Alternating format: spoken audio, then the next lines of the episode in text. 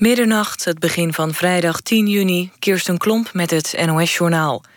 Een dag voor het begin van het EK voetbal heeft de Franse president Hollande opgeroepen te stoppen met stakingen en demonstraties. Hij zegt dat iedereen zijn verantwoordelijkheid moet nemen. Volgens de president kijkt heel Europa de komende maand naar Frankrijk. Daar horen geen stakingen en massabetogingen bij, vindt Hollande. In Frankrijk is hevig verzet tegen een nieuwe arbeidswet. Piloten van Air France willen vanaf zaterdag gaan staken... uit protest tegen nieuwe bezuinigingsplannen. President Obama geeft zijn steun aan Hillary Clinton... die vrijwel zeker de presidentskandidaat wordt bij de Democraten. In een videoverklaring zegt hij dat hij zich erop verheugt... om samen met Clinton campagne te voeren. Obama bedankte de andere presidentskandidaat Bernie Sanders... voor zijn bijdrage aan de campagne. Waarschijnlijk hoopte Obama hem te kunnen overhalen... om te stoppen met zijn campagne... Maar Sanders heeft laten weten dat hij doorgaat, ook al maakt hij eigenlijk geen kans meer. In Alkmaar heeft een grote brand gewoed in een bedrijvencomplex. Eén persoon raakte zwaar gewond, waarschijnlijk een werknemer. Hij is met ernstige brandwonden naar het ziekenhuis gebracht. Bij de brand kwam veel rook vrij, maar er was geen sprake van giftige stoffen. Wel kregen mensen in de buurt het advies ramen en deuren dicht te houden. Daphne Schippers heeft in Noorwegen een indrukwekkende overwinning behaald op de 200 meter. Bij de Diamond League-wedstrijd in Oslo liep ze de afstand in 21 seconden en 93 honderdste. Niemand was sneller dit seizoen. Schippers heeft met deze prestatie de eerste plaats op de wereldranglijst overgenomen van de Amerikaanse Tori Bowie. Die liep de 200 meter afgelopen maand nog in 21 seconden en 99 honderdste, 600 langzamer dan Schippers. Het weer, vannacht opklaringen en droog bij minima rond de 9 graden. Morgen wisselen zon en wolken elkaar af. In de loop van de dag neemt de bewolking toe... en s'avonds kan het in het westen dan licht regenen. Het wordt 17 tot 22 graden. Dit was het NOS Journaal. NPO Radio 1. VPRO. Nooit meer slapen.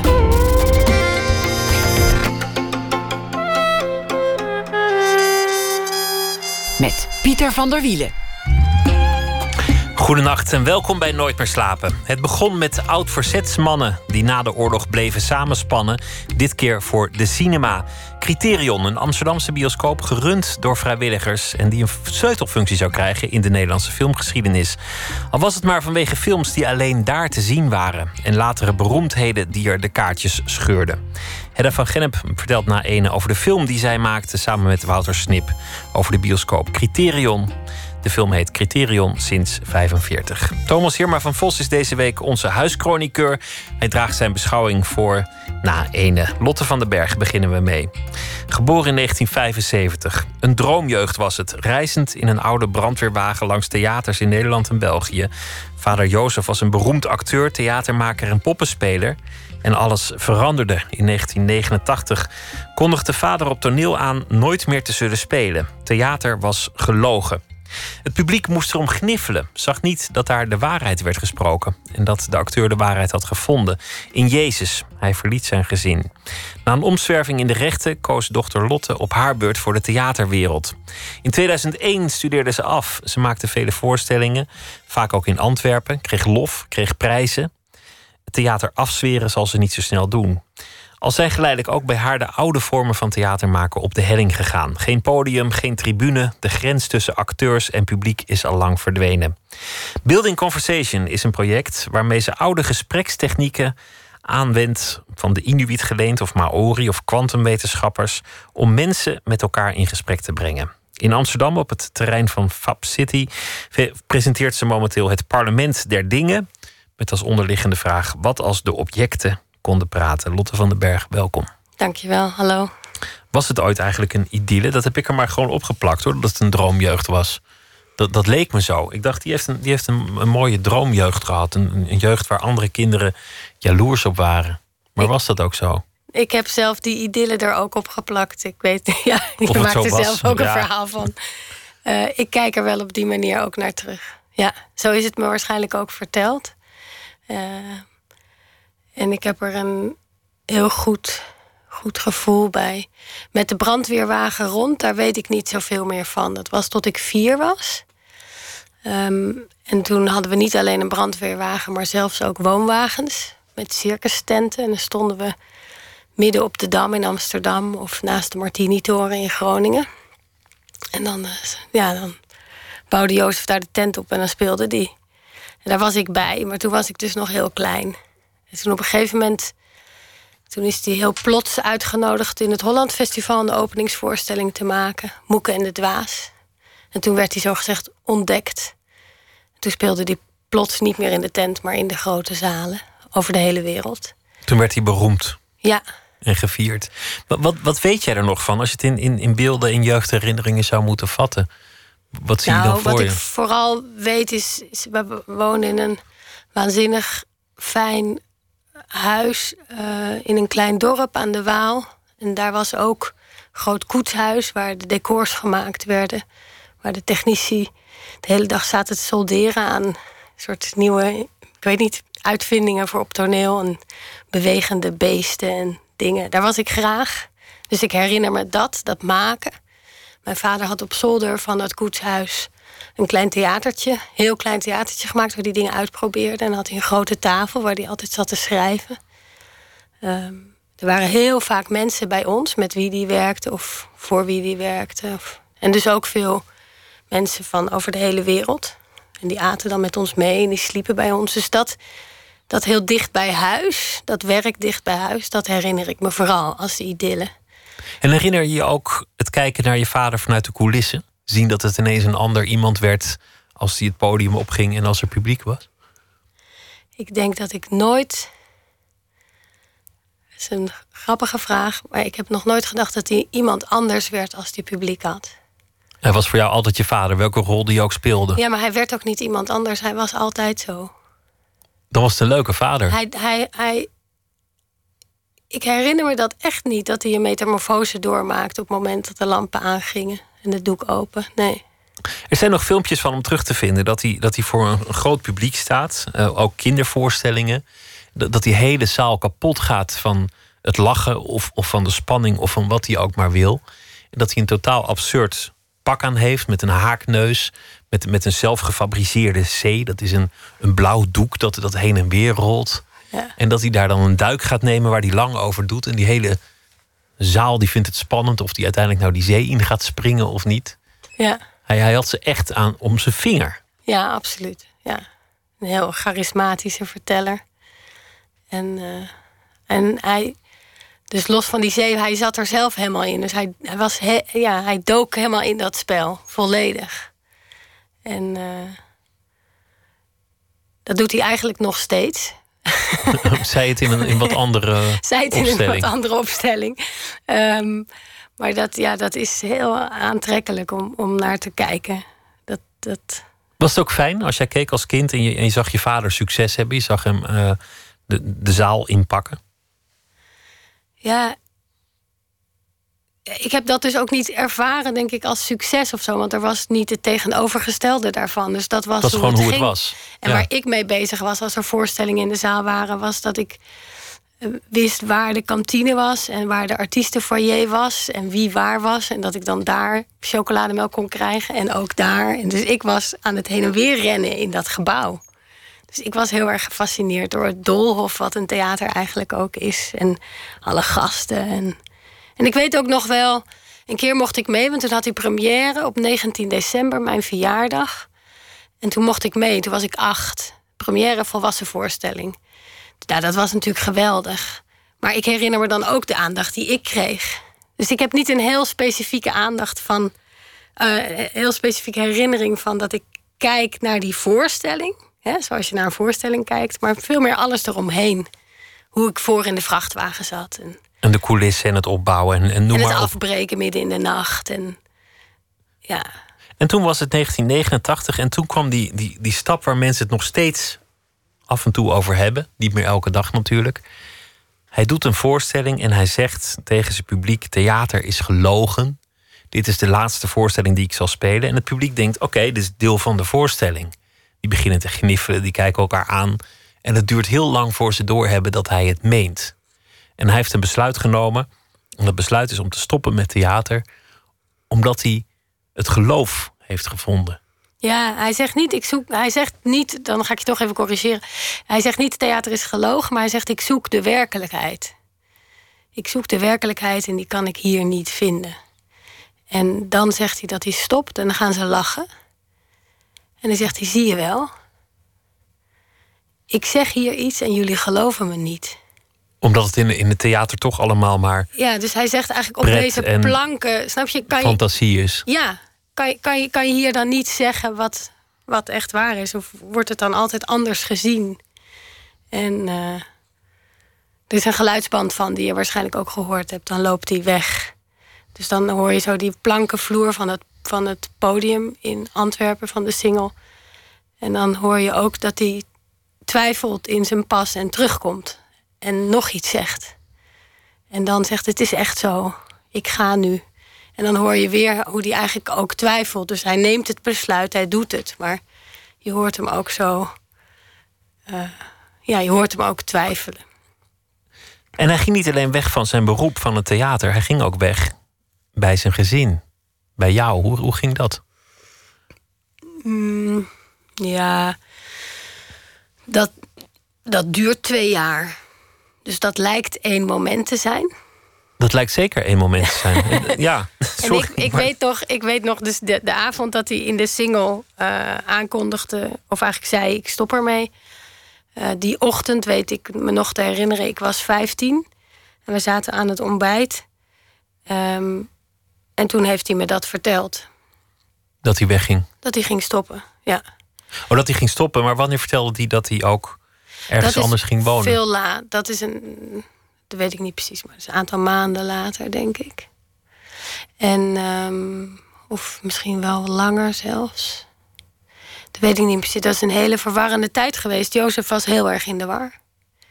Um, dus hij, hij was bij ons. Hij was ook veel in kloosters. Hij was op Athos in Griekenland. Een, een Grieks-orthodox soort kloostergemeenschap op een groot eiland. Um, en dan kwam hij terug en had hij een enorme baard. En dan gingen wij allemaal, nee, nee. dan moest hij die baard weer afscheren. En dan schoorde hij hem weer af. En dan, en dan ging hij toch weer weg. En ging hij naar Engeland, naar een klooster. Dus hij was heel erg zoekend en ongelooflijk in de war en rusteloos. En hij probeerde steeds te snappen wat, wat goed was of wat hij moest doen. Op zoek naar de waarheid, waar, waar hij het in theater al over had. Hier zou je de werkelijkheid niet vinden. En hij was dus op zoek kennelijk naar iets dat voor een absolute waarheid of werkelijkheid kon doorgaan. Ja, hij, hij was op zoek naar God. Het was religieus. Ja, absoluut. Ja. En dat kan je op heel veel verschillende manieren duiden. Uh, dus hij zelf zegt daarover dat hij op een bepaalde manier ja, dat dat een, een strijd tussen God en de duivel was of zo. Die, die verwarrende periode van bijna twee jaar. Uh, er zijn ook mensen die zeggen dat dat godsdienstwaanzin is. Je kan daar op heel veel verschillende manieren naar kijken. Voor hem was het echt? Voor hem is het echt. Nog steeds? Ja. Heb jij um, geprobeerd om met hem daarover te praten? Heb jij geprobeerd om, om in zijn hoofd te kruipen en, en dat te begrijpen? Ja. En te zien wat er, wat er nou aan de hand was? Of heb je geprobeerd hem de relativiteit ervan in te laten zien. Hoe ben je daarmee omgegaan? Ja, het is inmiddels al 25 jaar geleden. Hè. Dat is ook. Maar je ziet hem nog steeds. Ik zie hem nog steeds en ik zie hem heel veel en ik hou heel veel van hem. We hebben een hele goede band. Um, en, maar de grap is, dus het is 25 jaar geleden. Dus ik was 15 toen hij wegging. En inmiddels ken ik hem al veel langer, zoals hij nu is. Dus ik ken hem al 25 jaar als monnik. Levend als een kluizenaar in een heel klein dorp in Nederland. Dus ooit was het gek, maar nu is het eigenlijk heel normaal. Is het gewoon echt wie hij is. En is hij heel steady in wat hij nu doet. Dus die beginperiode die was heel verwarrend. En ik ben veel bij hem langs geweest, heb veel met hem gesproken. Ook omdat ik zelf um, begreep of voelde dat ik hem nodig had als vader. Dus dat ik niet naar hem wilde kijken als een gekke verwarde man, maar dat ik hem nodig had als krachtig mens. Als iemand die een, ja, die een beslissing had genomen die wellicht eigenaardig was, maar die ik wel op een bepaalde manier heel graag uh, wilde duiden of plek wilde geven. En dat heb ik op een gegeven moment ook. Want ik heb natuurlijk heel veel gesprekken met hem gehad. En dat hij terug moest komen. En dat ik dacht: oké, het is aan mij om te zorgen dat, dat er opeens een soort inzicht bij hem komt. Dat het belachelijk is en dat hij terug moet. maar dat, dat gebeurde helemaal niet. Uh, en dat was ook niet aan mij om dat te doen. Maar hoe gaat het dan verder? Je probeert iemand te overtuigen. Op een zeker ogenblik laat je het grote onderwerp maar rusten. Gaat het niet meer over God of terugkomen? En dan heb je een gesprek over andere dingen. Het weer. Over een kopje thee. Over, over de voetbalcompetitie. En dan ontstaat er toch weer een band tussen een vader en een dochter. Ja, die band is nooit weg geweest. En ik vind het het fijnst als ik bij hem kan zijn en als we het inderdaad over de gewone dingen kunnen hebben. En de grote dingen maar laten liggen, want daar kom je toch niet uit. Nou, die komen er altijd tussendoor. Jozef is iemand, en ik ben dat eigenlijk ook, die toch altijd soort de diepte in wil. Ehm, een echt gesprek voeren. Ja, en, en, en zo, ik zijn allebei niet zo heel goed in denken van nou laat maar. Hè, dat, dat roeren we wel niet aan. Maar het is fijn als dat in balans is met gewoon samen zijn en inderdaad koken of in de tuin werken of een beetje wandelen. Of, dus zijn leven nu is in een heel klein, prachtig dorp aan de Waal. En hij heeft een heel klein huisje, wat eigenlijk ook niet een huisje is. Hij heeft een soort paar dunne houten muren met een altaar daarin. En hij slaapt daarin nog altijd op de grond. En die grond, dat zijn straatstenen. Hij is inmiddels een man van 49, 1949 is hij dus. Bijna 70. Bijna 70. Uh, en dat doet hij al 25 jaar. Hij leeft zonder geld. Dus hij krijgt alles wat hij heeft. Uh, en dat gaat uh, wonderlijk goed. Dus als je daar als ik daar ben, dan hoop ik ook iets van, van dat leven of van die manier van leven vooral mee te nemen. dat, dat, van die ascese, van die onthouding, dat wil je dan voor jezelf ook. Ja, maar ook van de, van de rust en de aandacht die hij heeft. En hij is altijd daar. Hij gaat dat dorp niet uit. Dus dat zijn allemaal hele wonderlijke. dat kan je je niks bij voorstellen. Dat, dat, dat gejaagde leven wat ik zelf leid of zo, dat komt daar dan ook even tot rust. Um... De meeste mannen verlaten hun gezin voor een andere vrouw. Die worden gewoon verliefd op een secretaresse en dan op een dag dan peren ze hem. Jouw vader heeft je verlaten voor Jezus. Is dat makkelijker of moeilijker? Of kun je dat gewoon niet vergelijken?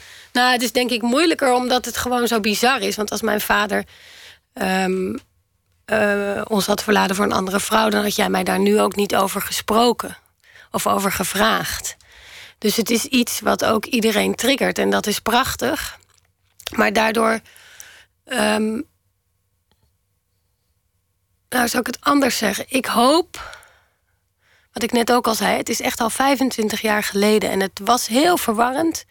Maar het is nu echt zo. Het is echt al heel lang zo. En hij is daarin heel rustig. Het gaat ongelooflijk goed met hem. Hij is heel gezond. En dit is... hoe hij zijn leven leidt en wil leiden. En, hij en jij accepteert dat, Volledig, ja. Maar wij allemaal. Ja, het is zo. En... Um, uh,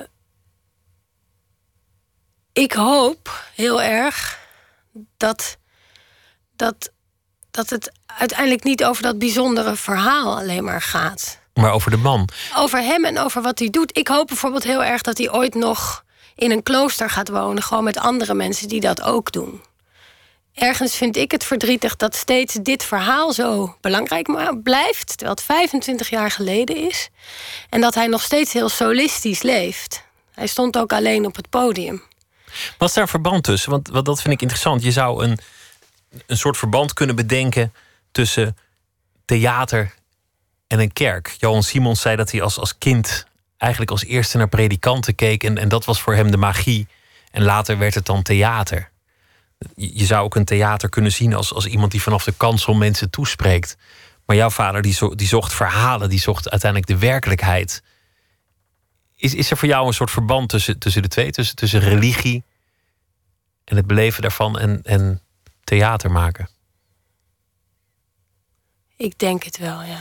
En in ieder geval voor Jozef. Hij is heel katholiek opgevoed en hij wilde altijd priester worden. En hij is theater, hij is acteur geworden.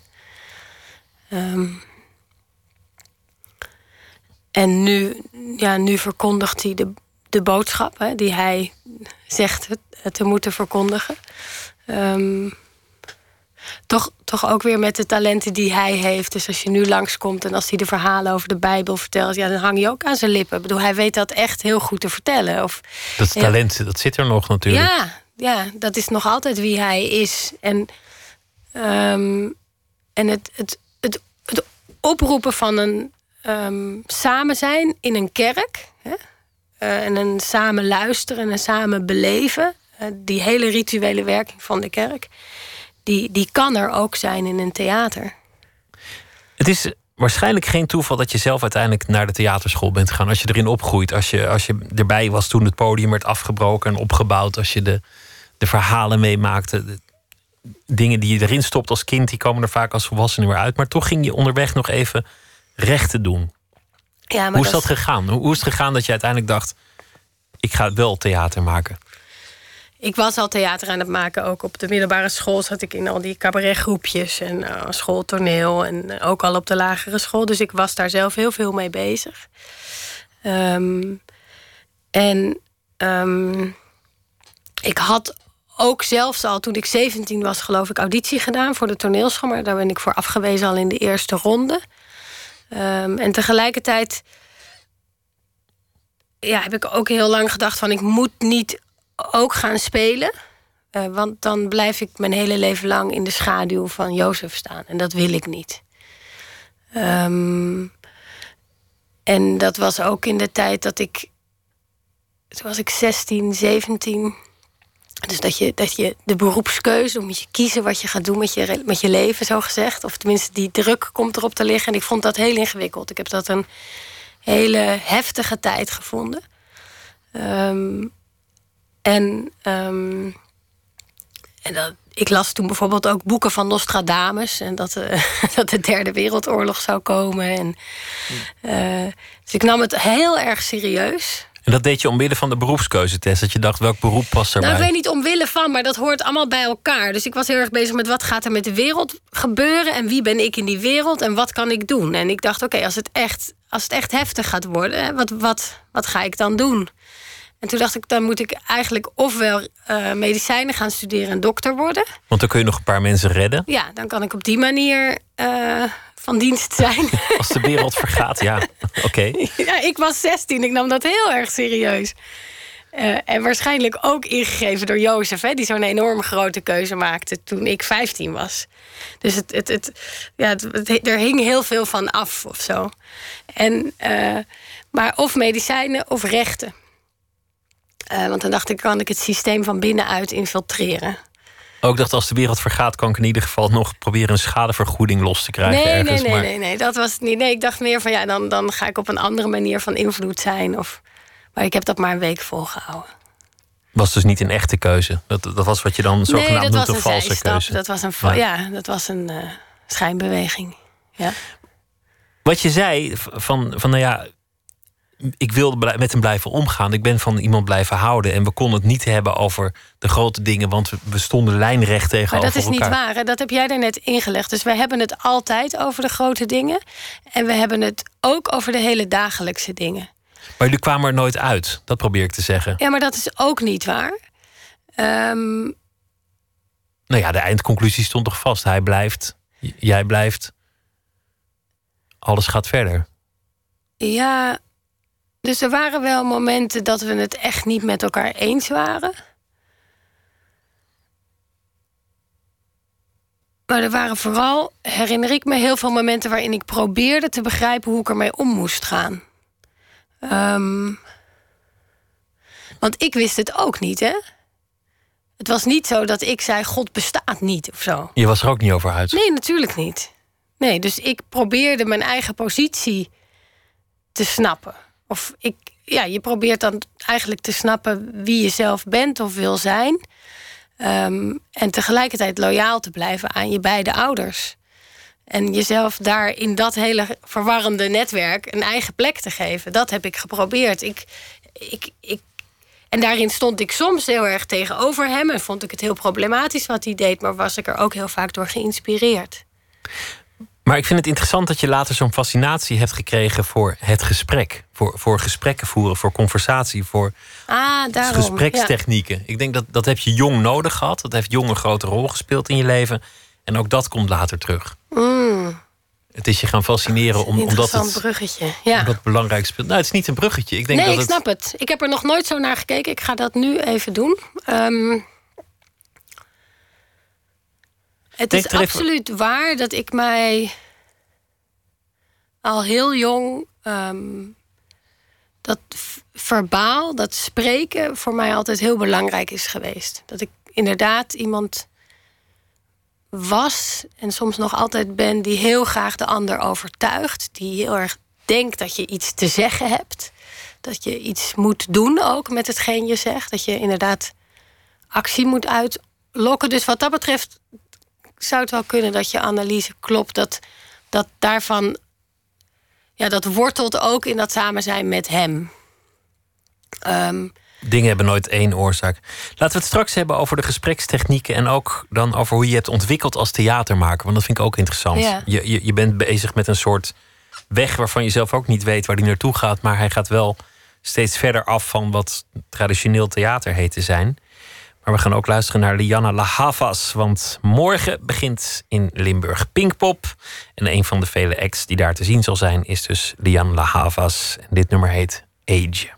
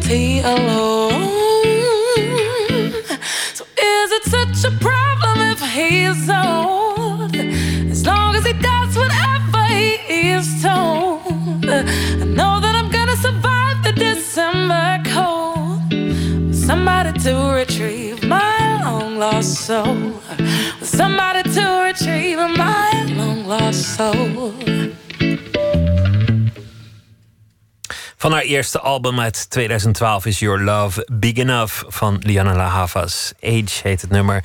En dit weekend speelt ze op Pinkpop. Net als uh, Paul McCartney, Douwe Bob en vele andere. Lotte van den Berg zit tegenover me, theatermaker. We hebben het net uh, vooral gehad over je vader, maar we gaan het nu ook hebben over Building Conversation. Een project waarin je gesprekken aangaat tussen mensen en gesprekken probeert te ontlokken tussen mensen en te leiden volgens verschillende technieken. Het Parlement der Dingen, dat is een uh, voorstelling die nu loopt in Amsterdam, waarin het gaat over de vraag wat als objecten ook een mening konden geven en zouden we dan anders naar de wereld kijken.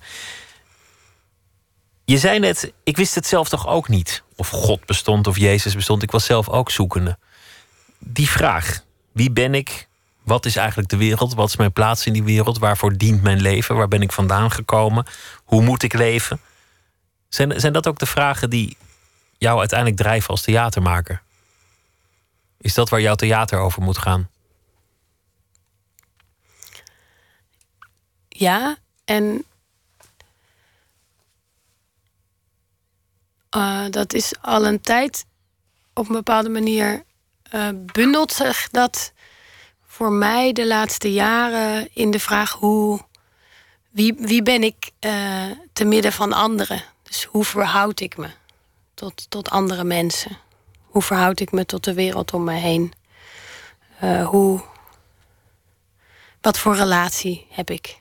Met de rest van de mensheid? Ja, of, of met de persoon die tegenover me zit. Of met de mensen waar ik niks tegen zeg in de tram. Of, um, dat, is, dat is iets wat me, wat me heel erg bezighoudt. Sowieso, maar ook in mijn werk.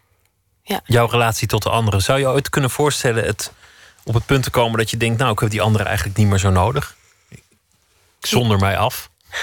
Ik ga in een, in een camper rondrijden of ik, uh, ik zet een tentje op op de Noordpool. Nee, mijn eerste uh, impuls was om te zeggen: ik hoop het niet, nooit. Um, maar toch kan ik me ook nog wel voorstellen dat er een moment in mijn leven komt waarin ik me in die zin afzonder dat ik bijvoorbeeld een boek ga schrijven. Dus dat ik iets maak wat ik alleen kan maken. Maar dat zou dan uiteindelijk ook juist wel zijn om dat aan de anderen te laten lezen. Dus ik zou dan gewoon wat meer tijd nemen uh, om dat uiteindelijk uh, te delen. Um, we hadden het net lang over, over Jozef, hè, mijn vader. En ik zei net ook al. Nou, dat is iets wat ik eigenlijk wel verdrietig vind op een bepaalde manier. Is dat hij heel erg vastzit in zijn solistische rol. Dat was op toneel ook. Hij heeft geprobeerd om met anderen samen te werken. Hij is gevraagd om uh, met Pieter Broek in de Mahabharata te spelen, wat toen een heel groot werk was. Of met Juliaan Schoenaerts uh, uit Antwerpen, die grote acteur, hebben ze samen met z'n tweeën geprobeerd iets te maken, maar dat lukte niet. Hij moest het altijd helemaal alleen doen. Um, en ja, misschien is dat ook wel wat hem op een gegeven moment heeft opgebroken. Of in ieder geval, hij is nu nog steeds helemaal alleen. Dus hij heeft zichzelf als kluizenaar, pelgrim, monnik een plek gegeven die het is in een prachtig dorp en er zijn daar heel veel lieve mensen, maar hij woont alleen, hij leeft alleen. Hij moet deze weg in zijn eentje gaan. En ja, mijn reactie daarop is toch juist ook um, ja, voortdurend zoeken naar uh, hoe, hoe ben ik samen. En ik ben zelf ook een redelijk solistisch persoon. Dus als regisseur um, was ik uiteindelijk ook degene die het bepaalde. En die ook ja, mijn wereld toonde en de beslissingen nam. En, en dat kan ik ook goed. Wat ik op een bepaalde manier, wat voor mij een veel grotere uitdaging is, is om juist dingen samen te maken. Of, de verbinding met anderen, het publiek, de medemakers, de. Nou ja, ja niet de, de monoloog. Nee. Niet een monoloog de traditionele vorm van theater, een zaal zit vol, het, het licht gaat uit, het doek gaat open, een spot gaat aan, iemand staat op het podium of meerdere mensen die brengen een voorstelling, de zaal zwijgt, lacht wellicht, applaudisseert na afloop, gaat naar huis, neemt een drankje, et cetera. Dat is een vorm waar je steeds minder mee hebt. Op allerlei manieren wil je dat doorbreken. Het podium moet weg, de tribune moet weg. Er moet niet meer echt een onderscheid zijn tussen de acteurs op het podium en de mensen in de zaal. De participatie moet er zijn van het publiek. Wie zijn eigenlijk de acteurs? Staat het verhaal wel vast? Moet er wel een script zijn? Op alle mogelijke manieren probeer je die theaterwetten te breken. Waarom? Ja, het is, ja, je kan het dus zien als het breken van de theaterwet of het opzoeken van de grenzen van het medium. Dat is wat ik doe. Maar dan kijk je nog steeds conservatief vanuit het oude, dat realiseer ik dat me. Wordt, dat wordt gedreven dus eigenlijk door, door die vraag van uh, hoe verhouden we ons tot elkaar. En ik denk dat. Nou, ik vind theater geweldig. Uh, performancekunst, omdat het live art is. Omdat het op, ja, je deelt tijd en ruimte met elkaar.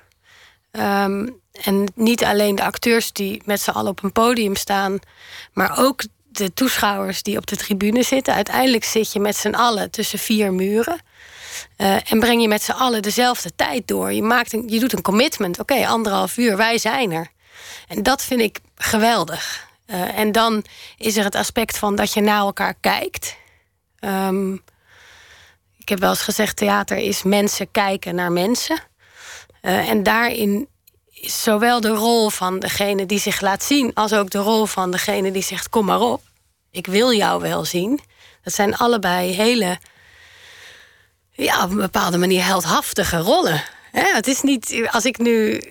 Uh, ja, als, je, als je ergens op een tafel springt en zegt: Dit ben ik. Dat is veel.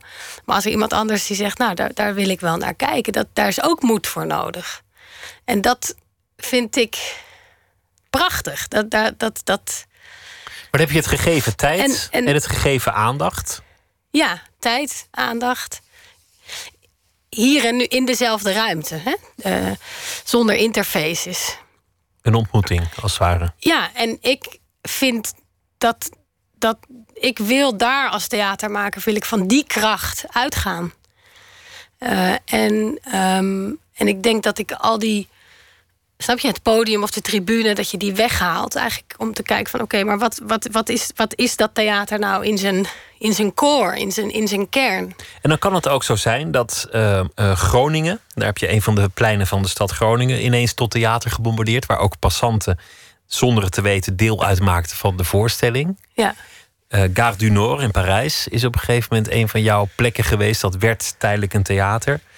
In New York heb je het gedaan, Times Square, als ik het me goed herinner. Ja. Zomaar de, de, een van de drukste plekken van New York, van de wereld, maken tot een theater. Dat vergt helemaal moed. Om acteurs daar neer te zetten tussen de menigte die allemaal haast hebben, ergens naartoe moeten. Een paar mensen die ervoor gekomen zijn. En dan kijken wat er gebeurt. Of je, of je mensen kunt aanzetten.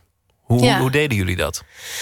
Ja, dat is de voorstelling uh, Agorafobia, of pleinvrees. Um, en dat is een tekst van Rob de Graaf. Ik heb het gemaakt met uh, Marien Jongewaard in Nederland, maar het uiteindelijk in uh, vijf verschillende talen met ook vijf verschillende acteurs gespeeld.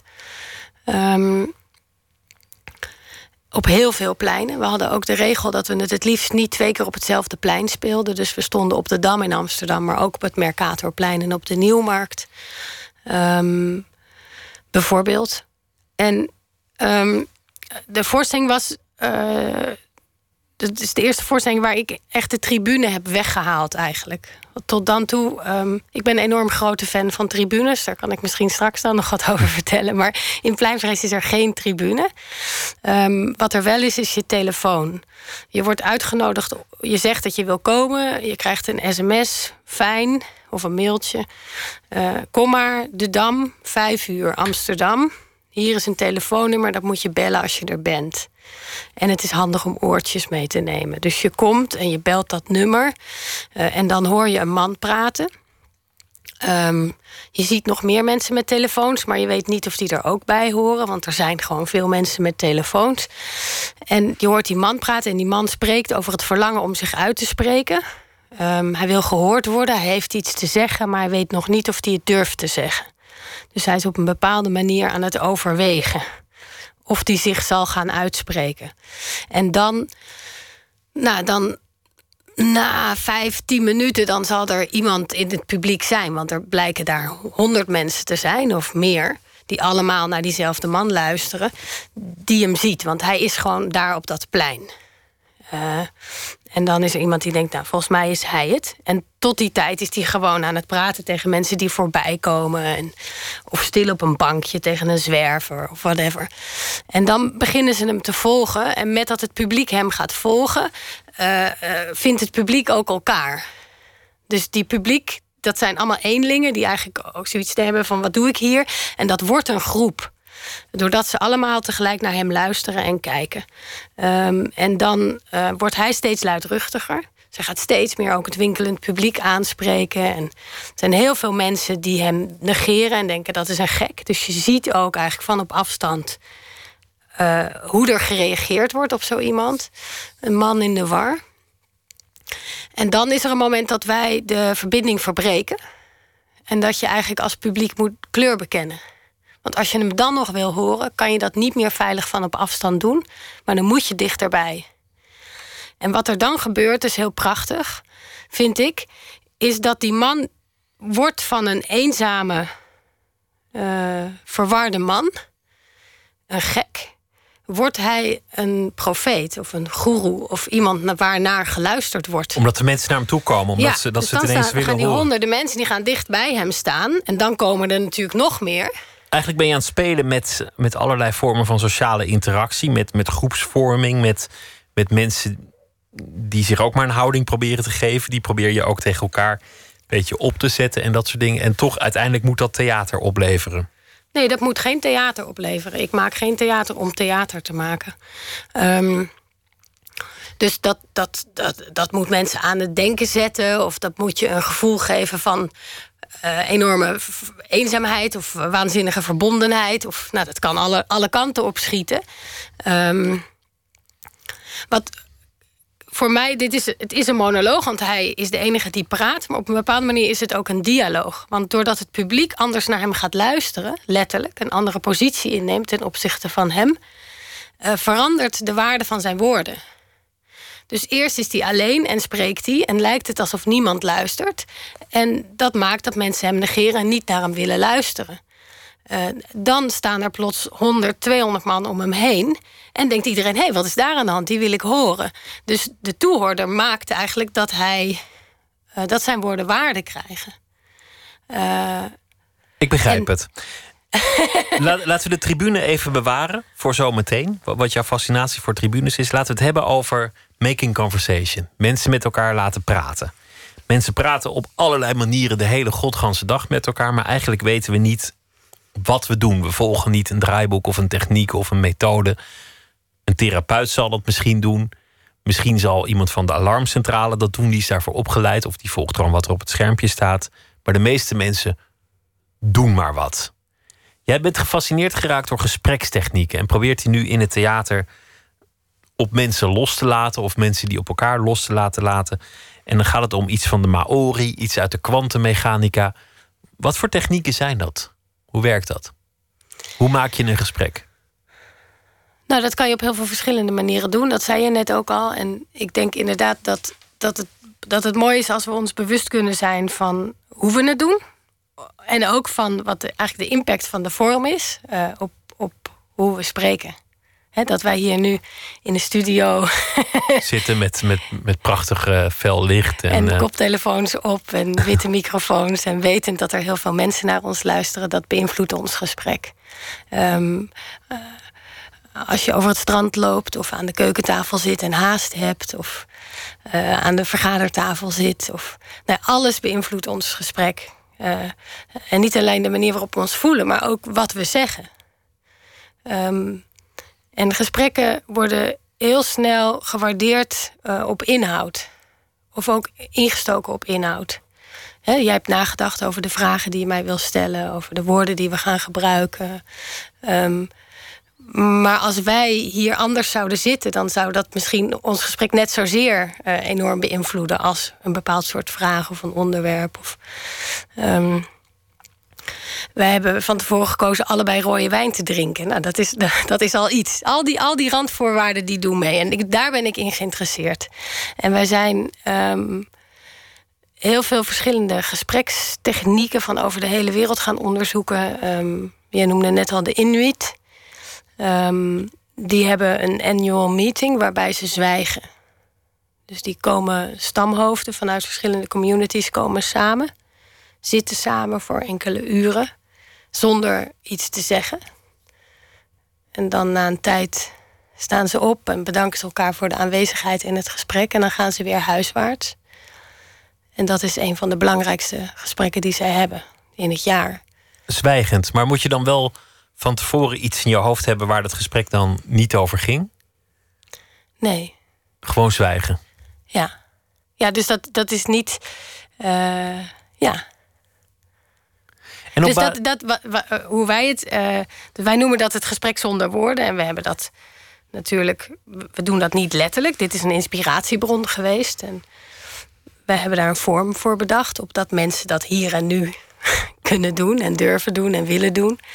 Um, en. Um, 60 tot 80 procent van uh, de communicatie verloopt non-verbaal. En wij zijn, doen simpelweg eigenlijk een onderzoek naar wat gebeurt er als we de woorden weg laten vallen. Wat, wat communiceren we dan? Bijvoorbeeld. Um, en dan is er ook bijvoorbeeld op basis van kwantummechanica, waarbij, waarbij de mogelijkheden onbeperkt zijn, zo'n beetje. Waarbij je dus in het gesprek alle kanten op dient te schieten. Ja, in ieder geval op kan schieten. Dat is David Bohm. Dat was een eh, collega van Einstein. En die was geïnteresseerd in de chaos en de onderliggende orde. In, in, in de materie. En op latere leeftijd raakte hij ook geïnteresseerd in hoe is dat eigenlijk als we denken. Hoe, hoe, hoe chaotisch of hoe geordend is dat? En hij doet de bewering dat je nooit alleen denkt. Dus dat alles wat je denkt verbonden is met de gedachten van anderen. We zijn heel erg geneigd om ons dat toe te eigenen, die gedachten. Ehm, maar hij zegt, die, die, die, die worden beïnvloed. En, uh, en hij zegt, it's important to maintain our thinking. Dus we onderhouden alles, onze auto, uh, ons huis laten we schilderen... we kopen mooie uh, kleren en zo, maar we onderhouden ons denken niet. En dat is belangrijk.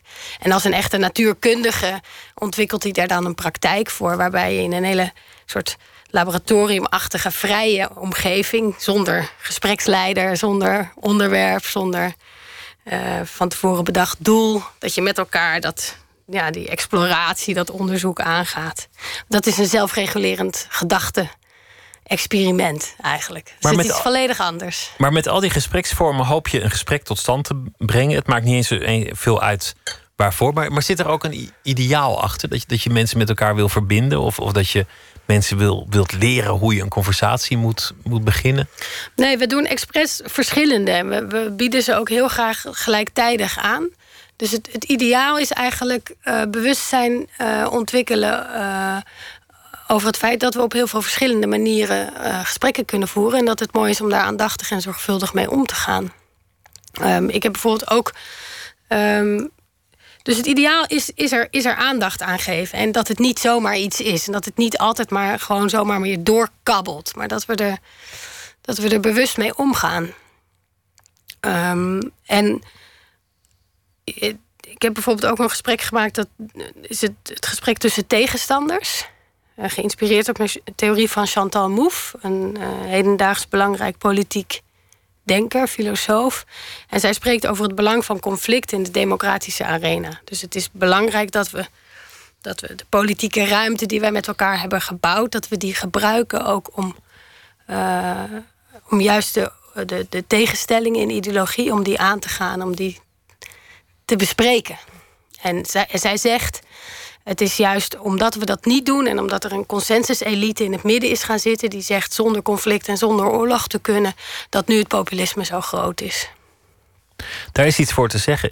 Ik sprak ooit iemand die, die als baan had in de jaren zeventig om de rust te spelen in vergaderingen van de NAVO-top. Ja. Dan moest hij leren denken als een Rus. Vanuit Russische ideologie denken, vanuit communistische ideologie. En dan moest hij ook tijdens de vergadering het Russisch standpunt innemen. En dat was omdat al die andere generaals konden dat niet doen, want dan lagen ze uit de groep of dan werden ze misschien als verrader gezien. Maar ze wilden toch weten bij elke stap die ze zetten, wat zullen de Russen hiervan vinden? Ja. Zullen die dit waarderen? Zal dit een aanleiding zijn om de bom te gooien ja. of niet? Ja. En kennelijk dachten ze, als het iemands uitgesproken rol is van oké, jij bent dan maar de Rus, ja. dan durft iemand dat standpunt in te nemen en kan die ook zichzelf toestaan om strikt zo te denken. Het is heel interessant, want je zou nu ook kunnen denken: hebben ze eigenlijk wel bij de geheime dienst een jihadist aangesteld? Niet iemand die zichzelf meteen opblaast na de vergadering, maar iemand die het standpunt probeert in te nemen. En zo kan je echt achterkomen wat die ander gaat doen of wat hij van plan is. Ja, um, uh, dat is dan eigenlijk weer iets anders. Um, dus ik vertelde net over die conflicten. En en dus dat is, dat is een gesprek waarbij we eigenlijk op verschillende manieren omgaan met, met conflict, waar letterlijk. Uh, in verschillende eigenlijk fysieke relaties ten opzichte van elkaar. Uh, waar jij het nu over hebt, is eigenlijk heel mooi. Is dat je dus erkent dat er bepaalde rollen gespeeld moeten worden. In, in, bijvoorbeeld dat gesprek van de NAVO, dat de, de rust daarin aanwezig moet zijn. Er is een, um, um, een psycholoog uh, in groepsdynamica, Arnold Mindel, al van een tijdje geleden.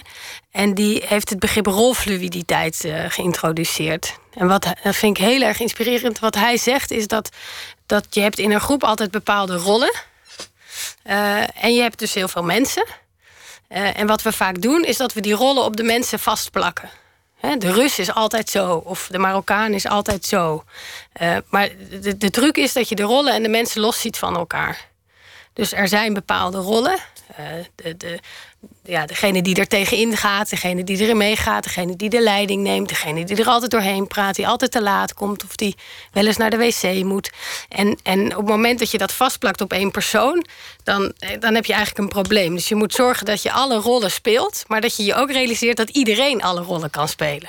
Dat, je de rollen uitwisselt met elkaar. En dat je er geen naam aan geeft in de vorm van een, van een persoon.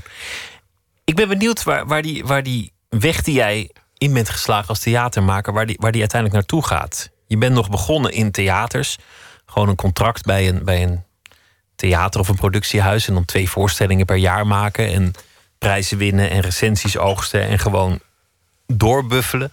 Langzaamaan ben je hier naartoe gegaan. Al die wetten van het theater er, er langzaamaan ook uitgegooid. Het zou zomaar kunnen dat aan het eind van die reis je juist helemaal terugkomt bij Shakespeare op, op de planken in een theater met een, met een doek en een lamp? Of is dat onwaarschijnlijk? Nou, Shakespeare lijkt me redelijk onwaarschijnlijk. Maar ik kan me heel goed voorstellen dat ik. dat ik. dat er een moment komt dat ik voorstellingen ga maken waarbij het publiek gewoon in het donker zit en de doek open gaat en het licht aan. En dat kan ik me heel goed voorstellen.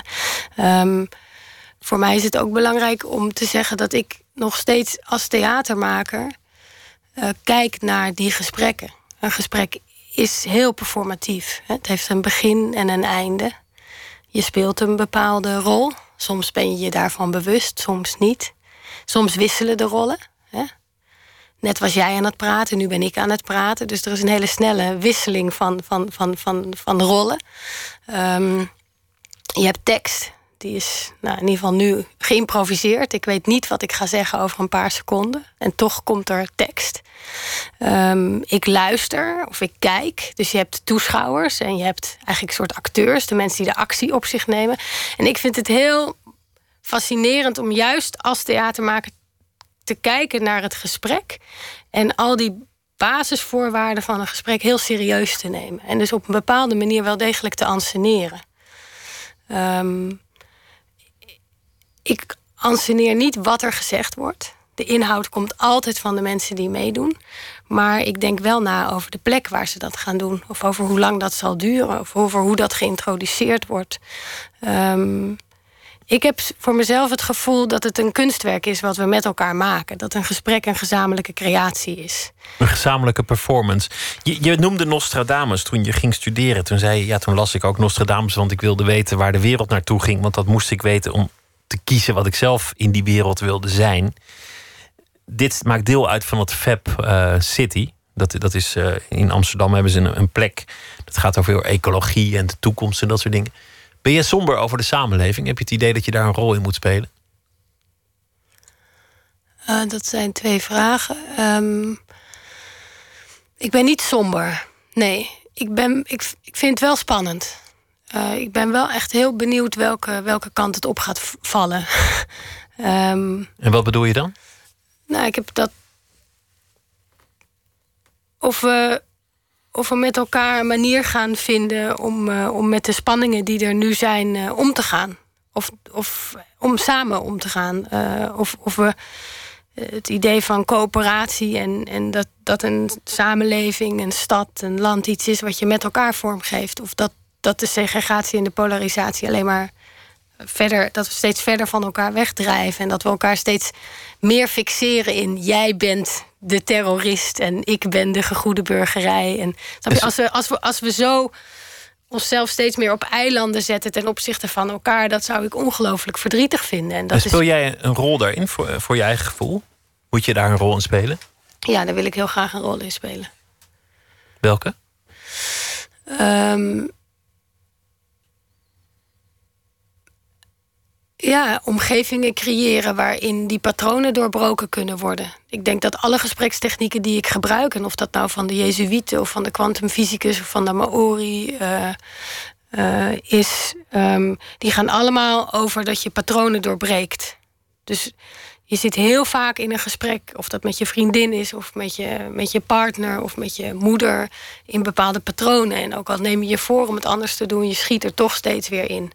En, en er zijn heel veel gesprekstechnieken en die zijn er eigenlijk ja, voor gemaakt dat je dat kan observeren. Dat je kan zien hoe je het doet en dat je het anders kan doen. Of Bij, bijvoorbeeld door de dingen een stem te geven. Dat is wat jullie nu doen. Dan zeggen jullie in het parlement er dingen.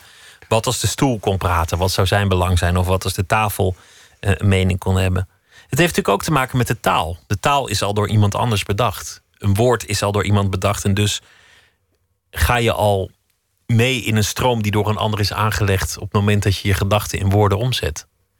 En daarmee zijn jouw woorden nooit helemaal van jezelf. En daarin bestaat ook het risico dat je in patronen terechtkomt. Ja, en als het dan gaat over onszelf en de dingen, en dat wij vaak spreken voor de dingen, dat wij spreken voor de natuur, dat wij spreken voor, um, voor de technologie, dat wij spreken ook voor mensen of volkeren die geen stem hebben, uh, dat we die daarmee wellicht wegzetten als dingen of als subgroepen.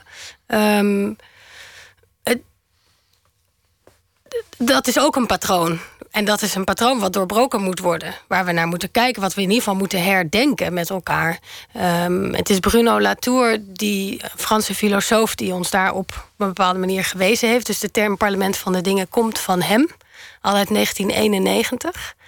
Um, en hij spreekt over het feit dat we dat alles met alles verbonden is. En dat wij mensen bestaan in een netwerk van heel veel andere dingen die samen met ons handelen. Dus het is niet alleen de mens die handeling, handels, uh, handelsbekwaam, handelsbekwaam is.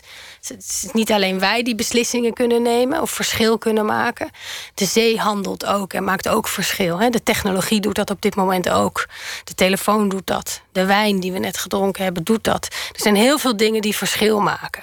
En wij bestaan in een netwerk van andere dingen en samen handelen. En het is belangrijk dat we ons bewust worden van dat netwerk en van onze plek in dat netwerk.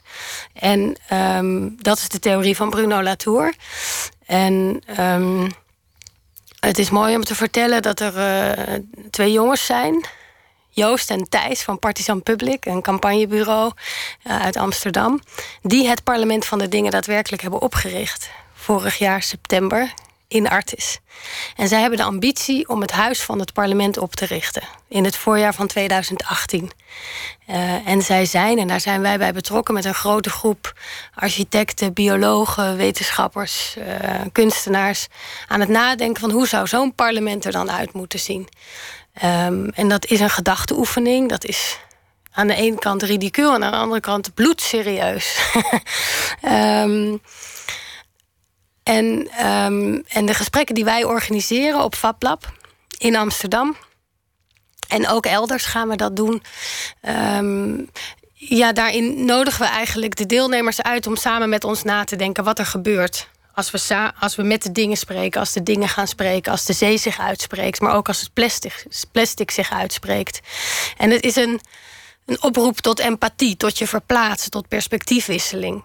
En het oefenen van die perspectiefwisseling, dat is in alle gesprekken belangrijk. Hè? Kan, ik, kan ik proberen te snappen waar jij nu mee zit? Hè? Dat het over een paar minuten afgelopen is. en, en hoe ga ik daarin mee of ga ik daar niet in mee? Hoe, hoe uh, kunnen we ons verplaatsen in wat iemand anders denkt? Het is een oefening, maar ook een manier om op nieuwe gedachten te komen. Ook, ja ook. En in het parlement van de dingen gaat het heel erg over. Dan komen we weer terug bij de verhouding. Um, dus is het aan ons om op een bepaalde manier de natuur uh, hoger aan te slaan of meer te waarderen? Hè? Moeten we de natuur belangrijker maken, meer stem geven? Of, en dat begin ik langzaam te begrijpen door zoveel gesprekken te doen met de dingen, dat ik denk: oh nee, we moeten onszelf een, op een andere plek zetten. We moeten onszelf op een bepaalde manier degraderen of meer ten midden van die natuur zetten. Uh, niet als managers daarboven hangen, maar ook snappen dat wij gewoon één van de spelers zijn. Dankjewel, Lotte van den Berg. Het parlement der dingen te zien in Amsterdam. Dank dat je het gast wilde zijn. Dankjewel.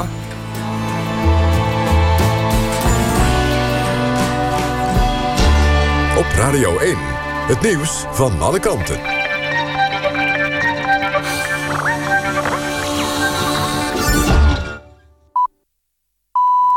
1 uur, Kirsten Klomp met het NOS-journaal. Het kabinet verzet zich tegen het overhevelen van internationale vluchten van KLM naar Air France. Franse piloten zijn tegen bezuinigingen en willen dat er minder vluchten vanaf Schiphol en meer vanaf Parijs vertrekken. Daar trekken wij de streep, zei minister Dijsselbloem bij RTL Late Night. Volgens hem zijn die vluchten hier omdat Schiphol en KLM het prima doen. Dijsselbloem wil niet toestaan dat de problemen bij Air France worden opgelost door KLM. Een dag voor het begin van het EK voetbal heeft de Franse president Hollande opgeroepen te stoppen met stakingen en demonstraties. Hij zegt dat iedereen zijn verantwoordelijkheid moet nemen. Volgens de president kijkt heel Europa de komende maand naar Frankrijk. Daar horen geen stakingen en massabetogingen bij, vindt Hollande. In Frankrijk is hevig verzet tegen een nieuwe arbeidswet. Piloten van Air France willen vanaf zaterdag gaan staken... uit protest tegen nieuwe bezuinigingsplannen. President Obama geeft zijn steun aan Hillary Clinton... die vrijwel zeker de presidentskandidaat wordt bij de Democraten. In een videoverklaring zegt hij dat hij zich erop verheugt... om samen met Clinton campagne te voeren. Obama bedankte de andere presidentskandidaat Bernie Sanders... voor zijn bijdrage aan de campagne. Bierbrouwer Heineken stapt in de Formule 1. Het gaat om een sponsorschap. De naam van het concern zal niet te zien zijn op Formule 1 bolides. Wel wordt Heineken volgend jaar de naamgever van drie Grand Prix... Ook wordt geld gepompt in de campagne If You Drive, Never Drink. Het sponsorschap van Heineken gaat komende september in... bij de Grand Prix van Italië op het circuit van Monza. Heineken zegt dat de stap losstaat van het succes van Max Verstappen. Het weer, vannacht opklaringen en droog bij minima rond de 9 graden. Morgen wisselen zon en wolken elkaar af. In de loop van de dag neemt de bewolking toe. En s'avonds kan het in het westen dan licht regenen. Het wordt 17 tot 22 graden. Dit was het NOS Journaal. NPO Radio 1. VPRO. Nooit meer slapen.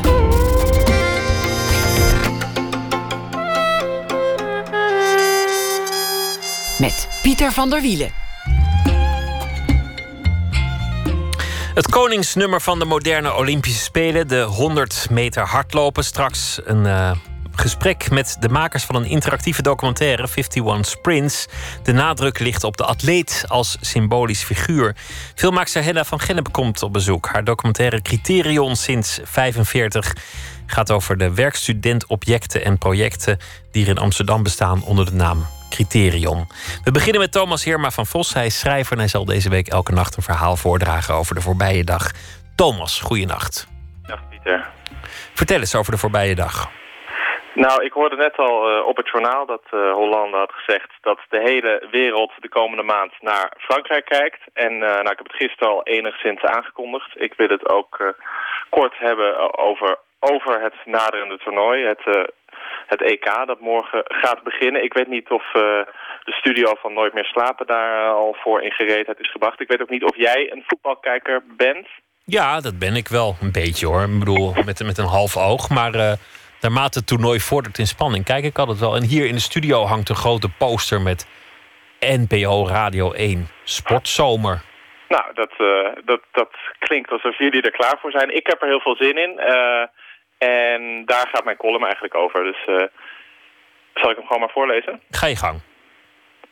Zoals bij ieder groot voetbaltoernooi heb ik meerdere voorspellende pools ingevuld. In het kader van kansenspreiding. Ik zet mijn geld in op Engeland, en mijn broer, met wie ik het altijd samen doe, op Duitsland. En de winnaar van ons deelt de buit met de ander. Of we tellen allebei ons verlies, zoals de afgelopen toernooien steeds het geval was. Toch, ondanks dat verlies, blijf ik kijken. Voetbal vormt, nog meer dan literatuur, nog meer dan film, een rode draad door mijn dagen. Twee keer in de week ben ik een houterige centrumverdediger in een zeer lage amateurcompetitie. Voetbalwebsites met, met nieuwtjes bekijk ik meerdere keren per dag. En tijdens zomers als deze, zomers met voetbaltoernooien, zit ik vrijwel onophoudelijk voor mijn tv. Niet omdat ik zoveel verwacht van het voetbal. De wedstrijden zijn vaak, juist bij zo'n groot toernooi, helemaal tergend saai. Maar ik heb verwachtingen van alles eromheen. Juist nu er zo ongelooflijk veel ploegen meedoen. Ik kijk bijvoorbeeld uit naar die fans van Noord-Ierland... die nog steeds niet lijken te kunnen geloven dat ze echt mogen meedoen. En daarom nu al dagen, er staan prachtige filmpjes van online... opgetogen en zingend door Frankrijk rossen. Ook heb ik hoge verwachtingen van Polen... die schijnbaar de meest gepasseerde verdediging van de kwalificatierondes hebben. Een soort verzameling half amateurs. Of van de Italianen, die traditiegetrouw bij ieder duurtje neergaan alsof ze worden neergeschoten. Aanstaande maandag ben ik jarig. En van de 25 verjaardagen die ik tot nu toe meemaakte... herinner ik me eigenlijk alleen nog degene die tijdens een voetbalwedstrijd plaatsvonden. Bijvoorbeeld die waarop ik omgeven door vrienden, 18 werd ik toen... toekeek hoe wereldkampioen Frankrijk ten onder ging. Of in een ander jaar hoe een stel opgefokte Grieken... een multimiljonair uit Portugal tot zuiden brachten. Dergelijke momenten, die maken zo'n heel toernooi voor mij de moeite waard. Ditmaal valt mijn verjaardag, maandag dus, samen met België-Italië. Het resultaat kan me niet schelen. Toch zal ik fanatiek kijken. Ik zal voor de televisie zitten en hopen op uitzinnige supporters. Op onvoorspelbaar gedrag op het veld. Mijn advies aan de luisteraar, arceer in uw agenda niet de wedstrijden waarbij de meeste sterren op het veld staan, maar juist die van de ploegen waar u geen enkele speler van kent. Albanië, Ierland wellicht, IJsland. En zet gerust geld in, zoals ik ook heb gedaan. Op een van deze ploegen, op meerdere ploegen tegelijk. Het zal je niets opleveren, maar dat is het waard. Want de mogelijkheid van financieel gewin...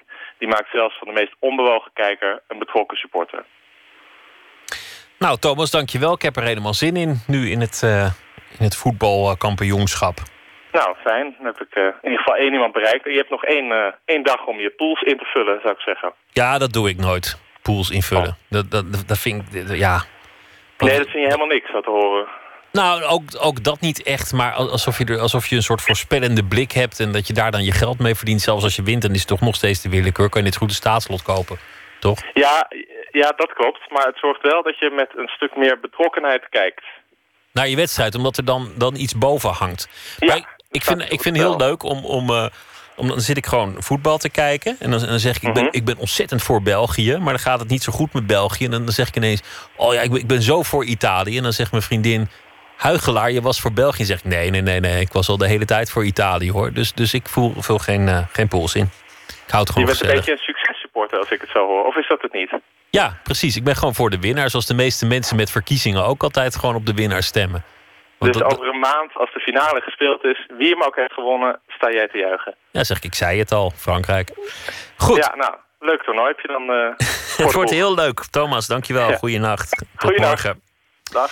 Uit Birmingham, Atlanta, komt een eh, blanke soulband, St. Paul and the Broken Bones. Ze spelen komend weekende op Pinkpop. Later deze week in Amsterdam in de Melkweg, de Oosterpoort in Groningen. En we gaan luisteren naar I'm Torn Up.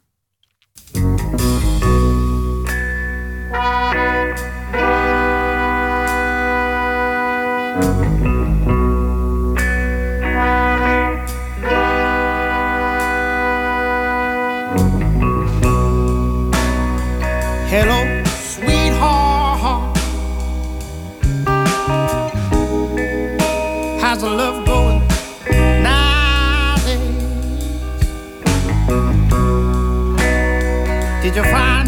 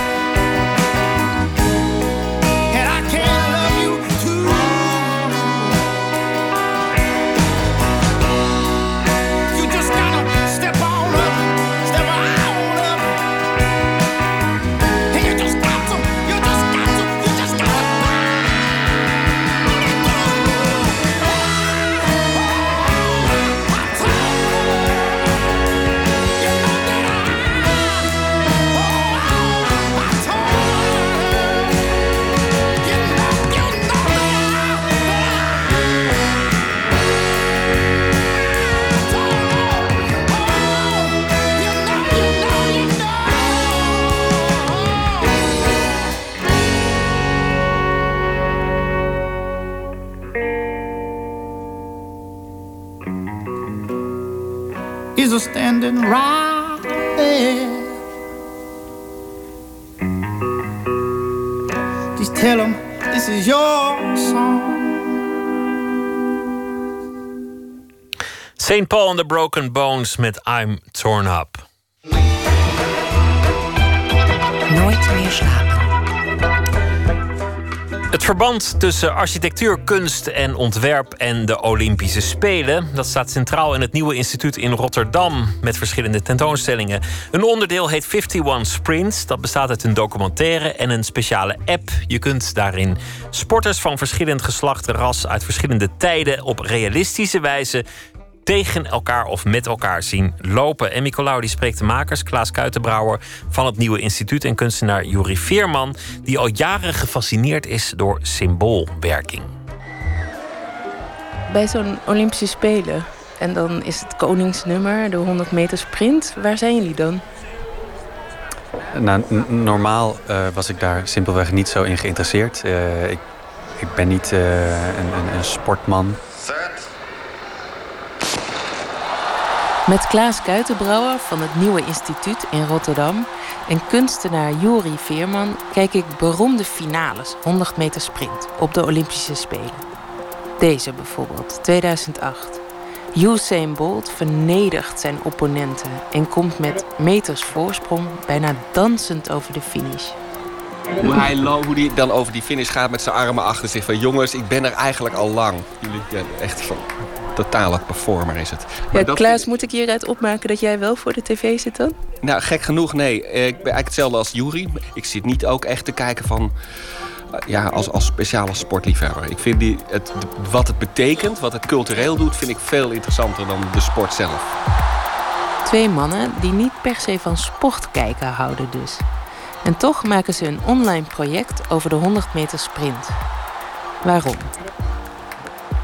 Als je kijkt naar de evolutie van dit onderdeel in technische zin, dan is er bijna niks veranderd. Van 1896 tot uh, straks in Rio 2016. Het is altijd 100 meter. Het is altijd ongeveer 10 seconden. Uh, en ze lopen altijd een rechtstuk vooruit. Dus dat is, um, daar gebeurt niks. Uh, tegelijkertijd vind ik en vinden wij het heel interessant dat doordat eigenlijk zo'n neutraal event dat altijd gaat over de Olympische gedachte, over inclusiviteit, over verbroedering, toch telkens weer iets nieuws betekent waar sportprogramma's inzoomen op de prestaties, de records en de persoonlijke verhalen van de sporters, onderzoeken Kuitenbrouwer en Veerman de culturele betekenis van de sport door de tijd heen. En ze kijken naar hoe atleten tot symbolen hebben kunnen uitgroeien en wat die symbolen dan vervolgens weer betekenen. Neem bijvoorbeeld die eerste spelen waar bewegend beeld van is, in 1908 op een soort knollenveld. Er, er werden nog uh, lijntjes gespannen tussen de verschillende banen. Er waren nog in startblokken of die van 1912 in Stockholm. Er waren zo te zien twee cameramannen. De ene filmde de start, de andere de finish. Wat er onderweg gebeurde is niet te zien. Maar ja, verder zag het er vrijwel hetzelfde uit. De 100 meter sprint blijft de 100 meter sprint. Craig won by half a meter. Behalve dan dat de deelnemers toen allemaal blanke mannen waren. Uh, een van de, de principes van de Spelen was ook dat, het, dat de sporters amateurs moesten zijn. De, de, de IOC-president uit die tijd, Avery Brundage, die zei eigenlijk als het geen amateurs zijn, dan gaat het niet meer over sport, maar dan gaat het over business. En dat, en dat willen we niet. Het moet wel puur over sport gaan. Maar dat betekende tegelijkertijd dat vooral mensen die de tijd hadden om te investeren in, in, in, in trainen, dat het voor, voor, voor, voor, voor die klasse eigenlijk veel makkelijker was uh, om mee te doen. Vanuit een ja, misschien toch wel idealistische gedachte, dit moet gaan puur over sport, uh, zag je dat uh, dus de, de, er een hele groep werd, werd buitengesloten. En dat het dus niet alleen voor, voor blanke mannen was uit westerse landen, maar vooral, vooral ook uit, uit hogere klassen. 100 meter Ausscheidungsläufe. Als je kijkt naar de Spelen in 1936. Amerika's snelste läufer, Jesse Owens, is aan start. Dan is daar ineens een zwarte man in een nazi-arena die uitgroeit tot een symbool, simpelweg door die specifieke context. Op die plätze. Fertig. Dus ineens kijken we naar een heel ander verhaal, terwijl de, uh, de fysieke toestand is exact hetzelfde. Het is weer zo'n man en die loopt weer 100 meter in weer ongeveer 10 seconden. Um, maar daar zit een heel verhaal achter. Owens siegt in de tijd van 10,4 seconden. dit wordt nu door de, door de Olympics natuurlijk uh, laten zien als, als toch een soort succesverhaal. Kijk hoe deze man binnen deze spelen het symbool is voor, uh, voor non-discriminatie. Terwijl de, ja, de IOC heeft tegelijkertijd uh, besloten... ja, laten we gezellig de Spelen houden in, uh, in Nazi-Duitsland. Dat lijkt ons een hartstikke goed idee. Vervolgens hebben de Amerikanen besloten... laten we toch maar onze twee Joodse atleten terugtrekken... want anders wordt misschien de, de Duitse commissie weer boos. Uh, en de Engelsen die, die dachten... ja, laten we toch maar meedoen... want dat is misschien goed voor onze internationale betrekkingen. En ja, vier jaar later begint de Tweede Wereldoorlog.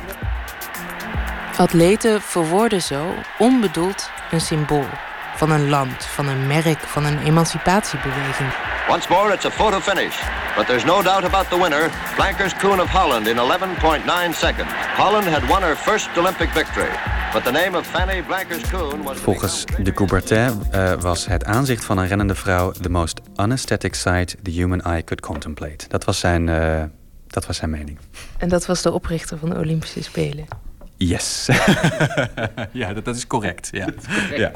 ja, ik vind het dus heel mooi dat iedereen altijd benadert bij Fanny Blankers-Koen de vliegende huisvrouw. En ja, ik heb zelf het gevoel dat het iets is van uh, alleen maar, zo, dat zit ook in de documentaire, alleen maar een sportende vrouw, dat kan niet. Je moet altijd iets, iets anders, moet dat legitimeren. Want een vrouw wordt pas geaccepteerd als sporter als ze in ieder geval ook nog vrouw is. Dus er wordt voor de veiligheid, voor de communicatie met het publiek, wordt de hele tijd benadrukt dat zij wel degelijk echt ook huisvrouw is met twee kinderen. En onder die conditie zijn we bereid te accepteren dat zij ook nog de snelste is. Maar als alleen maar de snelste was, dan was het, dat, ja, dan was het foute boel. En dat zie je ook de hele tijd. Want zeker in die tijd, die, die, dus, eh, dus echt meerdere verhalen van dat de seksen van, van vrouwelijke sporters wordt betwist. Als, ja, dat zie je. Dat is alleen maar een dominerende vrouw. Hmm, dat klopt iets niet. Dat is waarschijnlijk een, man. verdacht. Dat is waarschijnlijk een man. Dat verhaal komt meerdere keren terug. Ja, daarom heb je ook een hele geschiedenis van seksentesten gehad. Waarbij vrouwen moesten bewijzen dat ze vrouwen waren. Vanuit het idee dat als vrouwen zich voor, mannen zich voordeden als vrouwen, dat ze dan een soort zogenaamd een unfair advantage zouden hebben. Het is dus heel mooi dat je door te kijken naar zo'n simpel event, mensen die rennen, uh, iets kan, kan, kan, kan, kan zien over ja, de ontwikkeling van de mensheid. Wij projecteren ons beeld, ons denken op die sporters. En daarmee worden ze dus bijna een cultuuruiting. Ja, wat je overhaalt als je die cultuur er allemaal afhaalt... dan hou je alleen maar rennende mannetjes over. Die, ja, en dan misschien wel een soort fysieke sensatie van... ja, oh ja, ik zie dat ze heel erg hun best doen. Of, jezus, die haalt het, die en die haalt het wel. Maar je bent niet voor de een of tegen de ander. Ja, want dat, dat heb je dan allemaal niet. niemand is voor mannetje A. Je bent, je bent voor Usain Bolt, omdat het inmiddels een ster is. Of, of omdat hij voor Jamaica rent. Uh, en, en, en, en het zijn juist die factoren die, uh, die de Spelen ja, hun specifieke lading geven. Waardoor het voor mensen zo'n zo'n sensatie wordt. Omdat je, je, je zit gewoon op de, uh, op de bank voor de buis en iemand van jouw land wint. Ja, dat, hè, bedoel, dat, dat, dat idee, daar zijn we nu al heel erg aan gewend. Uh, maar in de allereerste spelen zag je op het scorebord nummer 572 heeft gewonnen. Ja. en dat is natuurlijk een idioot. Hè? Dan ga je juichen voor 572. Um, um, dus Geweldig is dat. Dus dat, dat kun je niet meer voorstellen. Maar in, in het begin was het, het, het... De Olympische Spelen hadden als doel eigenlijk een soort politieke verbroedering. Of sorry, ik moet niet zeggen politiek. Het ging culturele verbroedering. Het hele punt was dat eigenlijk de staat... Hè, de politieke eenheid van de staat moest buitenspel uh, blijven. Dat moest niet een politiek spel worden. Dit ging over de verbroedering tussen volken. Dus in die eerste Spelen komen mensen ook niet namens hun land uit. Ze zijn niet, sterker nog, ze komen niet eens namens zichzelf uit. Ze zijn, er is een soort abstracte, abstracte verbroedering vindt daar plaats... doordat mensen samen sporten. Maar er is meer aan de hand. Uit welk land je komt, van welk ras je bent, door wie je gesponsord wordt, op welke school je hebt gezeten, het beïnvloedt nog steeds de prestaties van de sporters. Om dat te laten zien hebben Kuitenbrouwer en Veerman een soort app ontwikkeld waarmee je die externe factoren kan uitvegen. Zo kun je bijvoorbeeld Usain Bolt tegen een vrouw laten lopen en kijken wie er zou winnen als geslacht niet uit zou maken. Komt het nou dat iemand zo hard rent? Ja, aan de ene kant omdat je gewoon hard getraind hebt, omdat je heel erg je best doet, dat, dat, dat staat buiten kijf. Maar aan de andere kant uh, bijvoorbeeld omdat je een iets betere lichaamsbouw hebt. Uh, omdat je uh, in een rijker land woont uh, met betere middelen.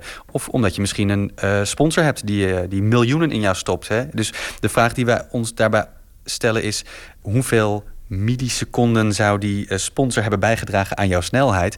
Uh, en dat hebben we simpelweg berekend door te kijken: oké, wat is de snelheid van de gemiddelde Amerikaan? Wat is de snelheid van de gemiddelde Jamaicaan? Wat is de snelheid van de gemiddelde man of de gemiddelde gesponsorde atleet? Daar hebben we allemaal gemiddelde, gemiddelde voor genomen. En vervolgens uh, wat je in die equalizer kan doen. Je zet dus een bepaalde uh, factor, bijvoorbeeld lichaam of natie of ras, zet je aan of uit. Waardoor je het specifieke voor- of nadeel dat een atleet heeft op basis van dat gegeven uh, neutraliseert. Um, waardoor, je, waardoor je dus je ook weer af moet vragen, wat blijft er dan nog over? en dat is eigenlijk de vraag die we ons stellen. This is what we've waited for. The showdown. The fastest men in the world here in Berlin. Usain Bolt, number one. Who will come out on top? Who'll take the gold? Who'll take the title? The World 100 meter final. 51 Sprints is te zien in het nieuwe instituut. Naast andere tentoonstellingen over de Olympische Spelen. Online op 51sprints.com. En Nicolaus sprak Juri Veerman en Klaas Kuitenbrouwer. De Amerikaanse zangeres Alison Mosshart en de Britse gitarist Jamie Hins vormen samen het duo The Kills. Ashen Ice is een eerste album sinds vijf jaar, waarvan we draaien Dead Love. One, two,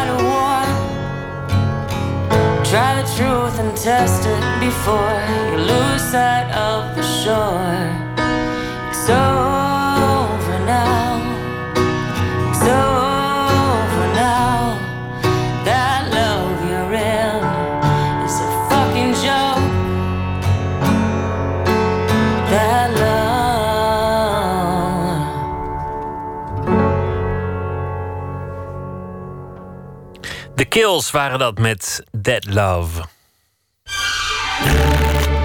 Open kaart.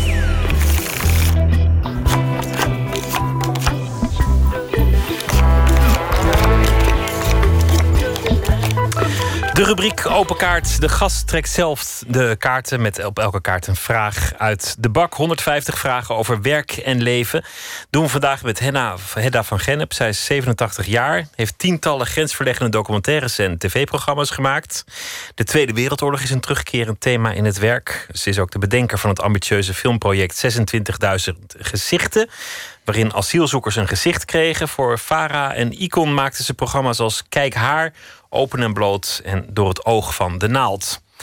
Vanwege het 70-jarig bestaan van de bioscoop Criterion in Amsterdam is er een film gemaakt met de titel Criterion sinds 45, samen met Wouter Snip. Die zit hier ook in de studio. Welkom beiden. Hallo. Een bioscoop die 70 jaar bestaat, dat op zich zou nog geen reden zijn voor een film. Maar in dit geval is het een bijzondere geschiedenis.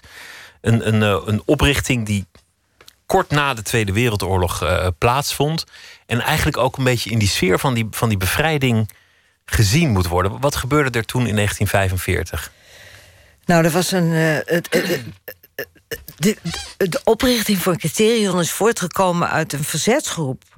Er waren studenten uit Utrecht en Amsterdam die hadden een verzetsgroep waardoor ze nou, heel veel Joodse kinderen gered hebben uit de Hollandse Schouwburg. Die waren jong, die waren toen 2, 23 jaar.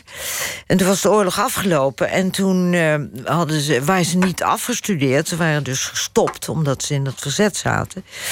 En toen uh, was er geen, hadden ze geen zin om, om hun ouders om geld te vragen of weet ik wat.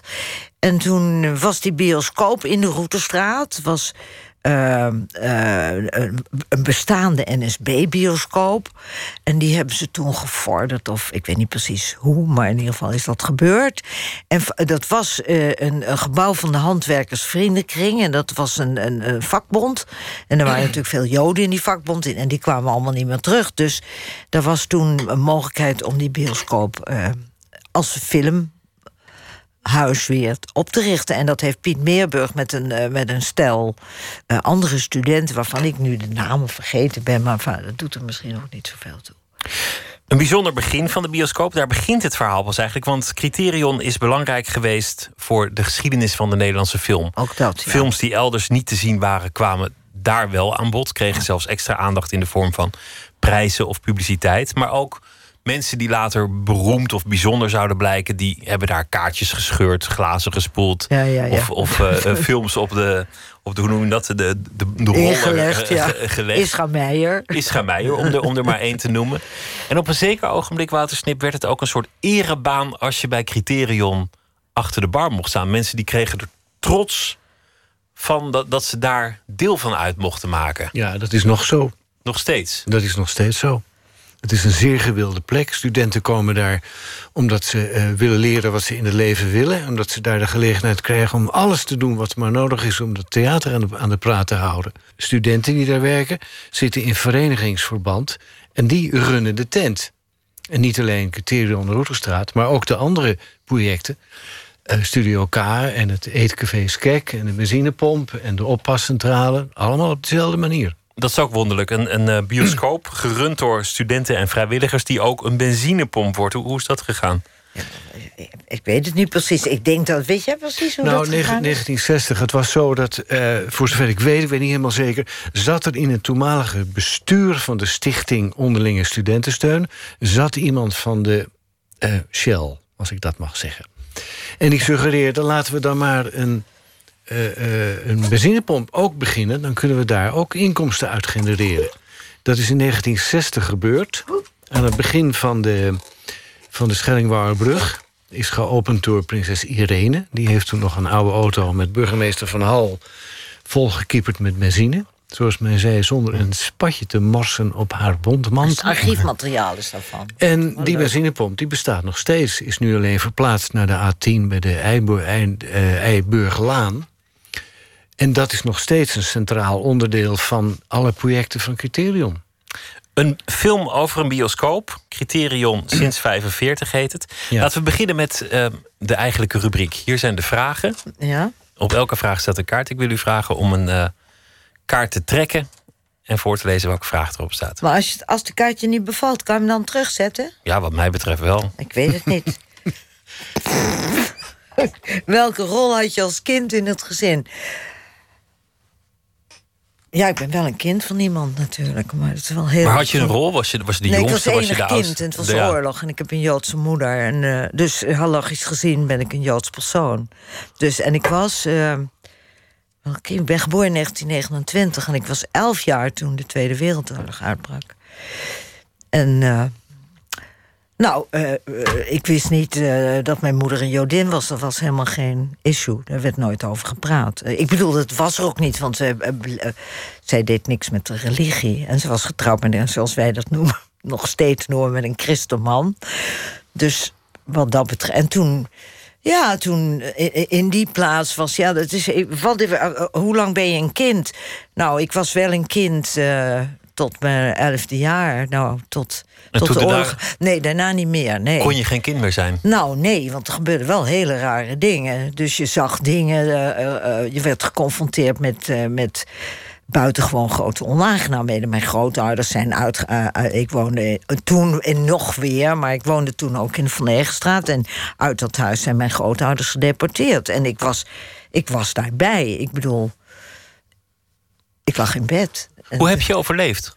Nou, omdat mijn moeder gemengd gehuurd was. Ik, ben, dus ik heb twee Joodse grootouders. En dat was niet voldoende om voor deportatie in aanmerking te komen. Het was maar net de vraag op welke lijst je wel en op welke lijst je niet geplaatst werd. Nee, je moest jezelf opgeven. Ik weet van mijn stiefvader, die gaf mij... Die, uh, je moest opgeven. Het is ook allemaal het is een ontzettende verwarrende en geschifte situatie. Want niemand ziet aan mij dat ik wat voor bloed dan ook... in ieder geval geen negerbloed, want je ziet niet... ik ben niet zwart. Maar je ziet aan mij niet dat ik een soort Joods persoon ben. Dus dat was ook onzin. Dus dan moest je je opgeven. En dat is ook gebeurd. Mijn stiefvader heeft opgegeven dat ik twee Joodse grootouders had. En hij gaf mij een kaartje s ochtends en zei: dat moet je altijd in je zak hebben. Nou, en ik heb zoveel dingen gezien die mij aanleiding gaven om dat vooral niet te doen om een kaartje bij je te hebben waar iets van joderigheid op stond. Dat heb, kaartje heb ik. Ik was op Barlees Gymnasium. En ik liep altijd onder het museum door naar de Stadhouderskade. En toen heb ik dat kaartje in. Uh, in stukjes gescheurd en in de stadhouderskade gegooid. Omdat... Achteraf heel verstandig. Ja, ik begrijp ook zelf niet. Maar ik had toch, nou ja, je zag dingen. Ik heb dingen gezien die je echt. Dat mensen in de Van Bailenstraat een heel Joods gezin in elkaar werd geslagen en in auto's gesmeten. En je denkt, wat, wat gebeurt hier? Je had geen flauw idee. Dat is het rare. Je wordt geconfronteerd met dingen die je zelf in geen enkel verband tot jezelf kan maken.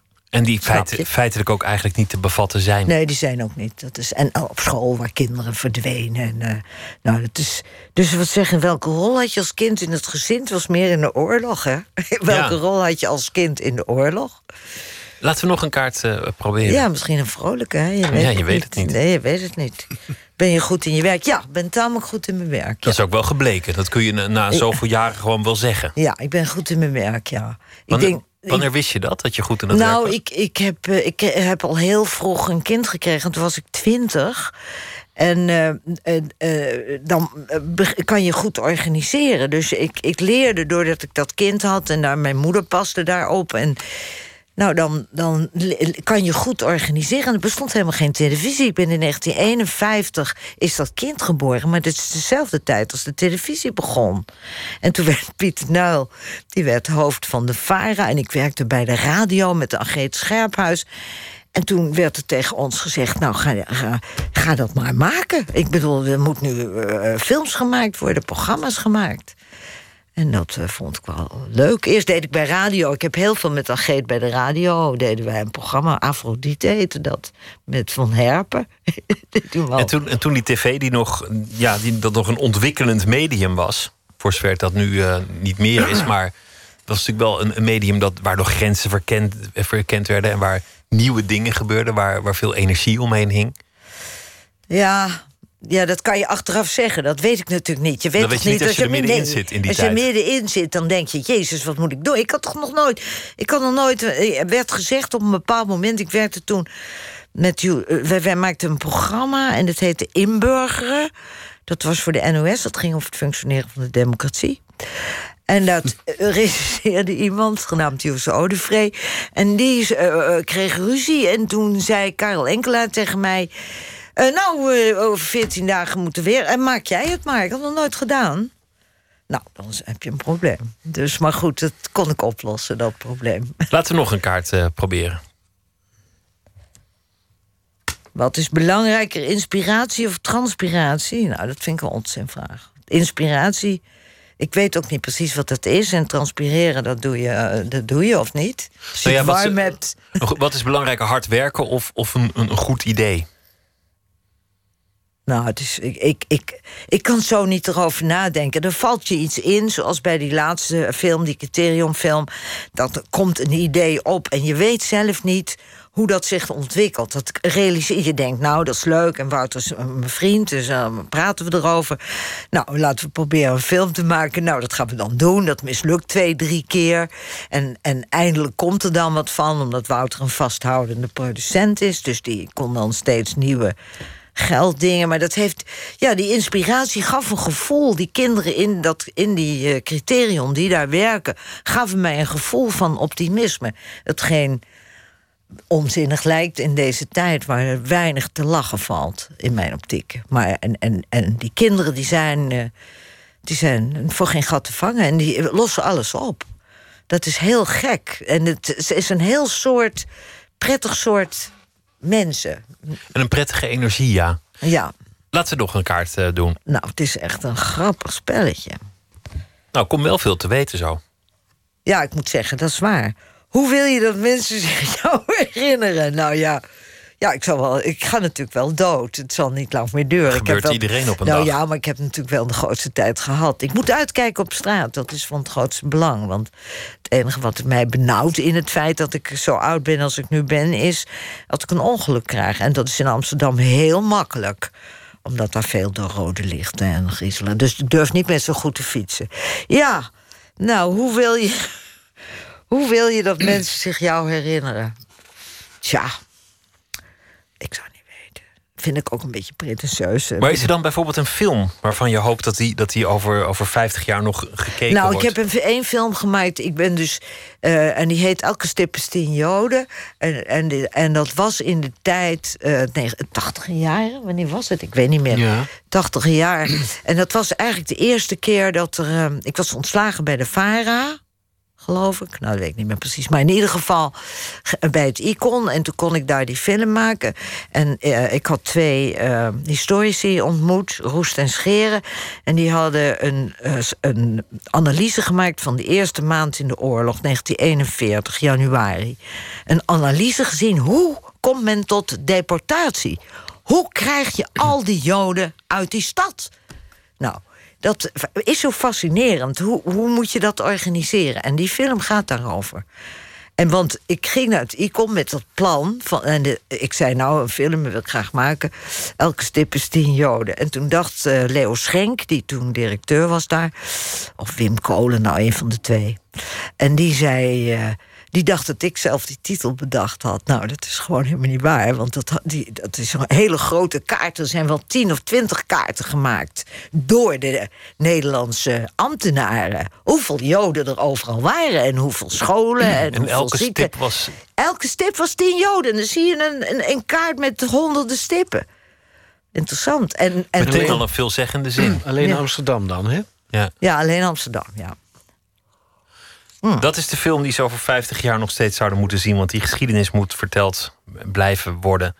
En, ehm, en de nieuwe film die moet natuurlijk ook eh, bekeken gaan worden. Criterion sinds 45. Hedda van Gennep, dank je wel. En Wouter Snip, ook dank. Nou, oké. Oké. Te zien in eh, filmtheaters in Nijmegen, Den Haag, Utrecht, Rotterdam en Amsterdam. De film over Criterion. Londenaar James Blake maakt minimalistische nummers, vaak traag, hypnotiserend. En hij voorziet ze van soulvolle zang. Het nieuwe album The Color in Anything. En daarvan draaien we My Willing Heart. First time your name was used, it was beauty, and. Sat in a with some people I saw through. Gathered round the television's fire. Watching for the people I admired. Outside, my words were frozen in my mouth. I couldn't get them out.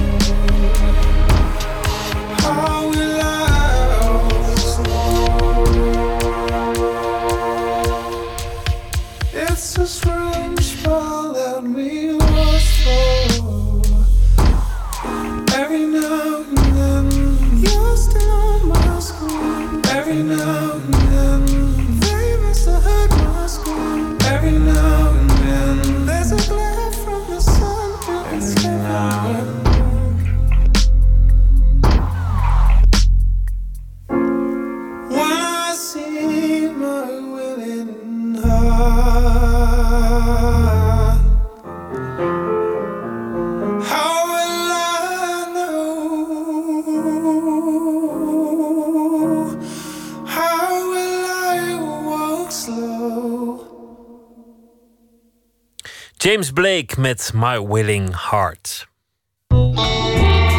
Nooit meer slapen.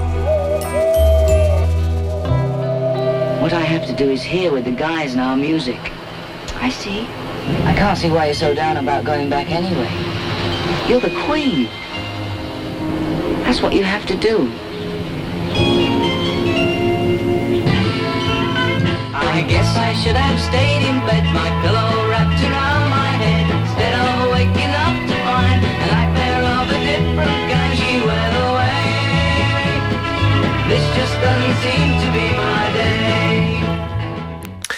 En zo werd in 1966 het merk The Monkees neergezet. De eerste bedachte band uit de popgeschiedenis. Samengesteld na een advertentie en wat audities. Muziek werd voor hen geschreven en gespeeld. Een tv-serie werd bedacht. Strips, t-shirts, noem maar op. Alles kwam erbij. Het concept The Monkees bestaat dit jaar 50 jaar. En dan ineens is er ook nog een nieuw album. Tom Klaassen, nachtcorrespondent. Welkom.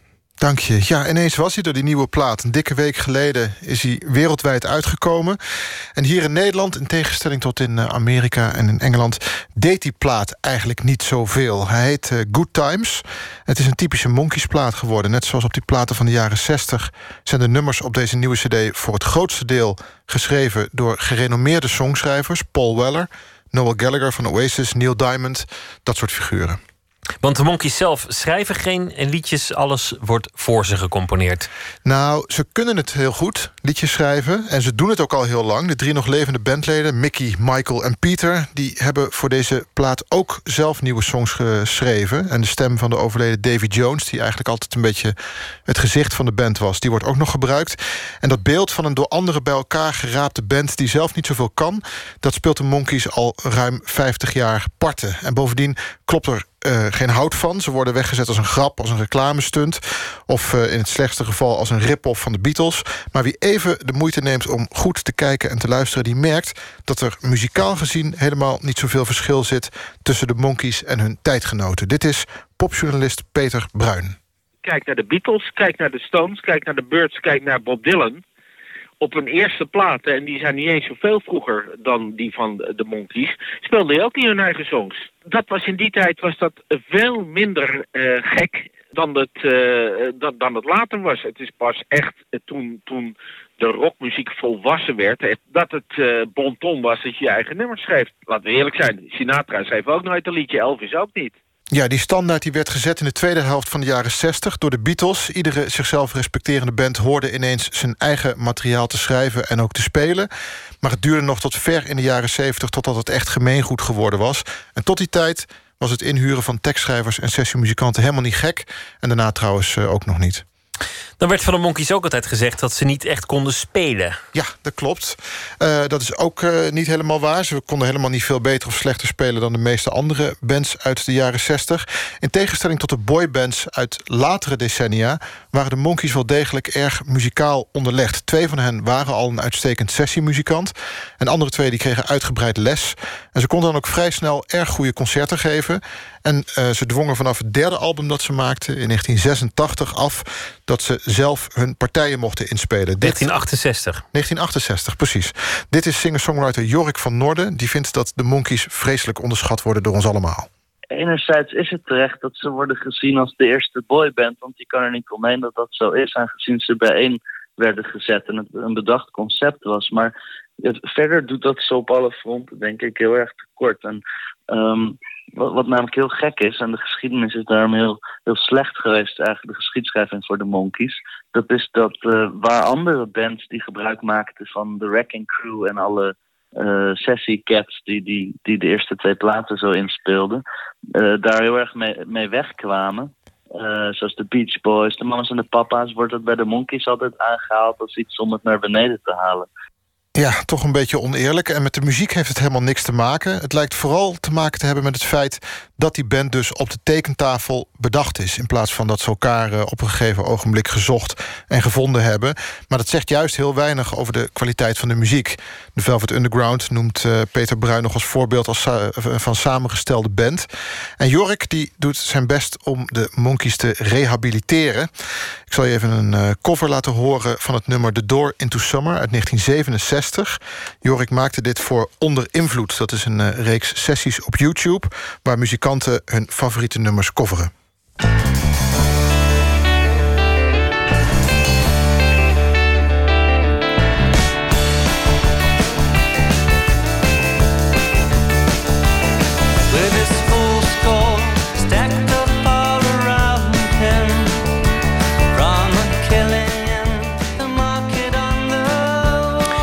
Ze worden een beetje weggezet als een, een, een boyband avant la lettre. Een, een bij elkaar gescharrelde band van mooie jongens. Ja.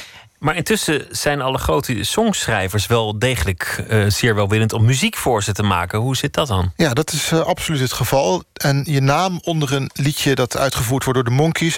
is dus blijkbaar helemaal niet iets om je voor te schamen. En dat heeft ook zijn uh, beginselen in de jaren zestig. Want toen was liedjes schrijven veel meer dan nu een industrie op zich. En was het voor artiesten ook helemaal niet raar om liedjes niet zelf te schrijven... maar die af te nemen bij die schrijvers. Neil Diamond is daar bijvoorbeeld een, een goed voorbeeld van. En Carole King, uh, de Brill Building uh, schrijvers. En nog steeds kijken muzici volgens Peter Bruin... anders naar dit soort kwesties dan de critici of het publiek. Critici hebben veel meer de, de neiging om muziek te klassificeren en, en, en ook uh, als uh, beter en minder goed uh, of dit hoort en dat kan en dat mag niet te klassificeren. En, en, en muzikanten, in mijn persoonlijke ervaring, hebben daar veel minder last van. Ja, oftewel artiesten begrijpen misschien wat beter dat een goed liedje gewoon een goed liedje is. Volgens Bruin is het begrip guilty pleasure ook een uitvinding van critici en publiek. Iets is namelijk goed of niet. En waarom zou je daar dan vervolgens voor moeten schamen? Je vindt het per slot van rekening goed. Om diezelfde reden geeft bijvoorbeeld Noel Gallagher in interviews vaak te kennen dat de Bee Gees een van zijn favoriete groepen is. Een groep waar critici een beetje besmuikt over doen en muzici dus veel minder. Komt dat misschien ook omdat critici gewoon af en toe een afkeer van populariteit en commercie hebben? Ja, dat is ongetwijfeld het geval. Alles wat commercieel is, dat wordt vaak een beetje vies gevonden. Zeker eh, in de hoek van de critici. Maar ook daarvan is ons beeld gedurende de jaren... een beetje vertekend geraakt. Want volgens Jorik van Noorden gingen in de jaren 60 artistiek succes en commercieel succes veel meer hand in hand. En pas later kregen commerciële motieven de overhand. En volgens Peter Bruin liep dat ongeveer gelijk met de groeiende invloed van producers in de populaire muziek. Vanaf de late jaren 70 speelt de producer steeds meer een hoofdrol.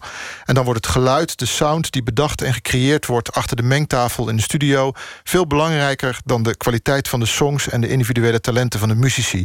En daarom mag je volgens Bruin en Van Noorden de Monkeys niet vergelijken met bijvoorbeeld One Direction of de Spice Girls. De ene prefab is de andere niet.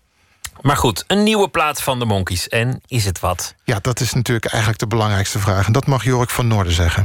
Het voegt niets nieuws toe en het is, het is gewoon een, een herhalingsoefening. Maar het is wel ontzettend goed gedaan en het is ook. eh, eh, het, is, het is eigenlijk beter dat, dan het het recht heeft om te zijn in dit stadium van een carrière. Ze zijn allemaal begin 70. Davy Jones, toch een beetje het gezicht, is overleden. En dat, ja, om dan, dat ze dan nog met een plaat komen voor het eerst in, wat is het, 20 jaar van dit kaliber. Dat is eigenlijk wel echt eh, opzienbarend wat mij betreft. De nieuwe plaat van de Monkeys heet Good Times. Die is een dikke week geleden verschenen. En binnenkort komt de nieuwe plaat Of Monkeys and Men uit... van de band The Minus Five... waarin onder andere de gitarist van R.E.M. zit. Alle liedjes op die plaat gaan over de Monkeys. En dit zijn de Monkeys zelf met een track van die nieuwe plaat... She Makes Me Laugh.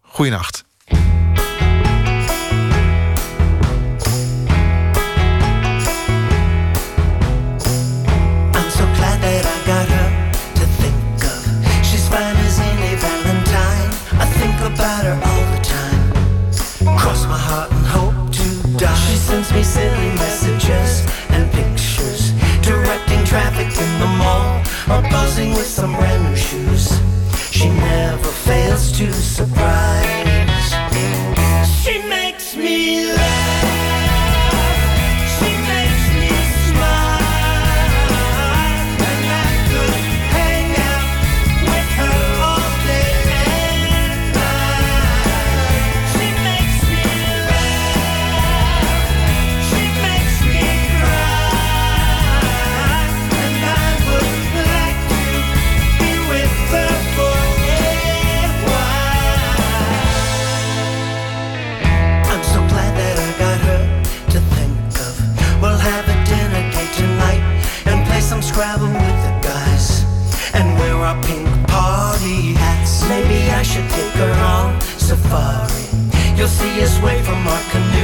If that's what she wants to do.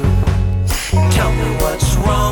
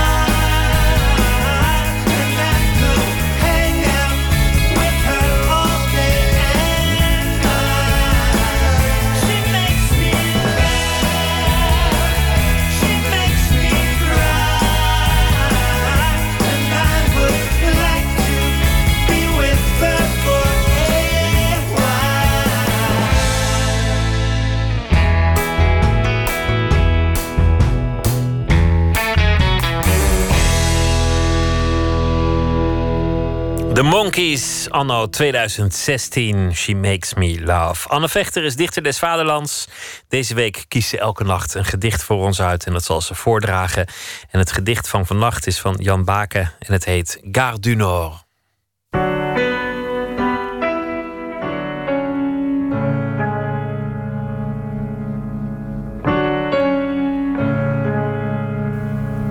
De Nederlandse dichter Jan Baken bracht in 2015 een nieuwe bundel uit. Hij heet Seizoensroddel. En aan het einde van de bundel is een cyclus opgenomen die heet Waar de wind doorheen waait. Hij heeft in het literair magazine Terras uit de doeken gedaan hoe dat gedicht, hoe die cyclus eigenlijk is ontstaan. En hij noemt het een serie gedichten over een zoon die zijn vader in Brussel zoekt. Heen en weer reizend met lijn 4. Een reis van Gare tot Stallen in dertien teksten. Hij begint bij zijn herinneringen. Maar juist daar weet de vader de zoon alweer te ontglippen, schrijft Baken. Gare. De dagen zijn moeilijk te onderscheiden. Niets bijzonders om de tijd aan op te hangen. Weersomstandigheden. Zwijgen dat de gesprekken overheerst. Reizen zonder onderwerp. Spraakverwarring sprakeloosheid. Alle herinneringen in de juiste volgorde aflopen in de hoop dat dit toegang geeft tot alles wat ik nu kwijt ben. Namen van familieleden, het verlies dat als een deken om hen heen hangt. Ik was degene die dacht dat de wereld te beschrijven was en dat dit genoeg was om haar te leren kennen. Ik begon met de jaren en nam daar op de dagen door waarop het meeste gebeurde. We liepen iedere zondag in die onbegrijpelijke straf naar de kerk van het heilige bloed. Mijn vader probeerde er een andere tijd bij te halen, te vergeefs. Om uit de schaduw van het dorp te stappen, riep hij zo nu en dan wat tegen mij onbekende mannen en vrouwen en lachte veel betekenend toen een lange, dunne vrouw hem vroeg of hij op weg was naar Amerika. Dit is hem vaak gevraagd. En of hij ook al had nagedacht over Sydney, de warmte van Andalusië, Tanger, Buenos Aires. De paar landen en steden die ons interesseerden konden zonder kerk en zonder vrouwen die ons de weg achter de weg vroegen. Hij wees op Amerika toen het uit de wolken opdook. Uit compassie met het eindeloze jammeren van deze streek hebben we de man die ervoor zat, ervoor laten zitten. Gare du een gedicht van Jan Baken, voorgedragen door Anne Vechter. Morgen zit hier Esther Naomi Parkine en zij gaat in gesprek met acteur Robert de Hoog. Voor zijn eerste filmrol, Skin, kreeg hij meteen een gouden kalf voor beste acteur. Hij speelde toen een skinhead in het nauw gedreven die een misdaad pleegde. Sindsdien heeft hij andere rollen gespeeld. Nova Sembla, Schemer, Blackout. Sinds 2014 is hij een van de vaste leden van toneelgroep Amsterdam. En tijdens het Holland Festival speelt hij Husband and Wives. En dat is een uh, stuk naar aanleiding van een film van Woody Allen.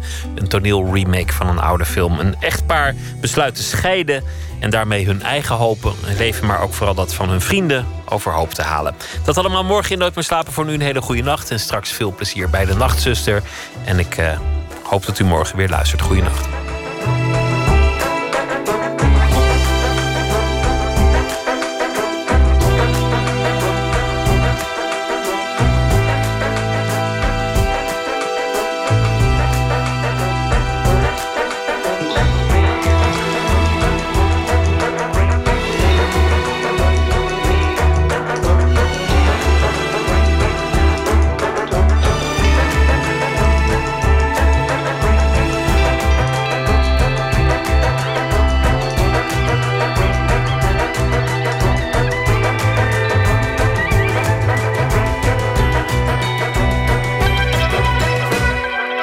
Radio 1.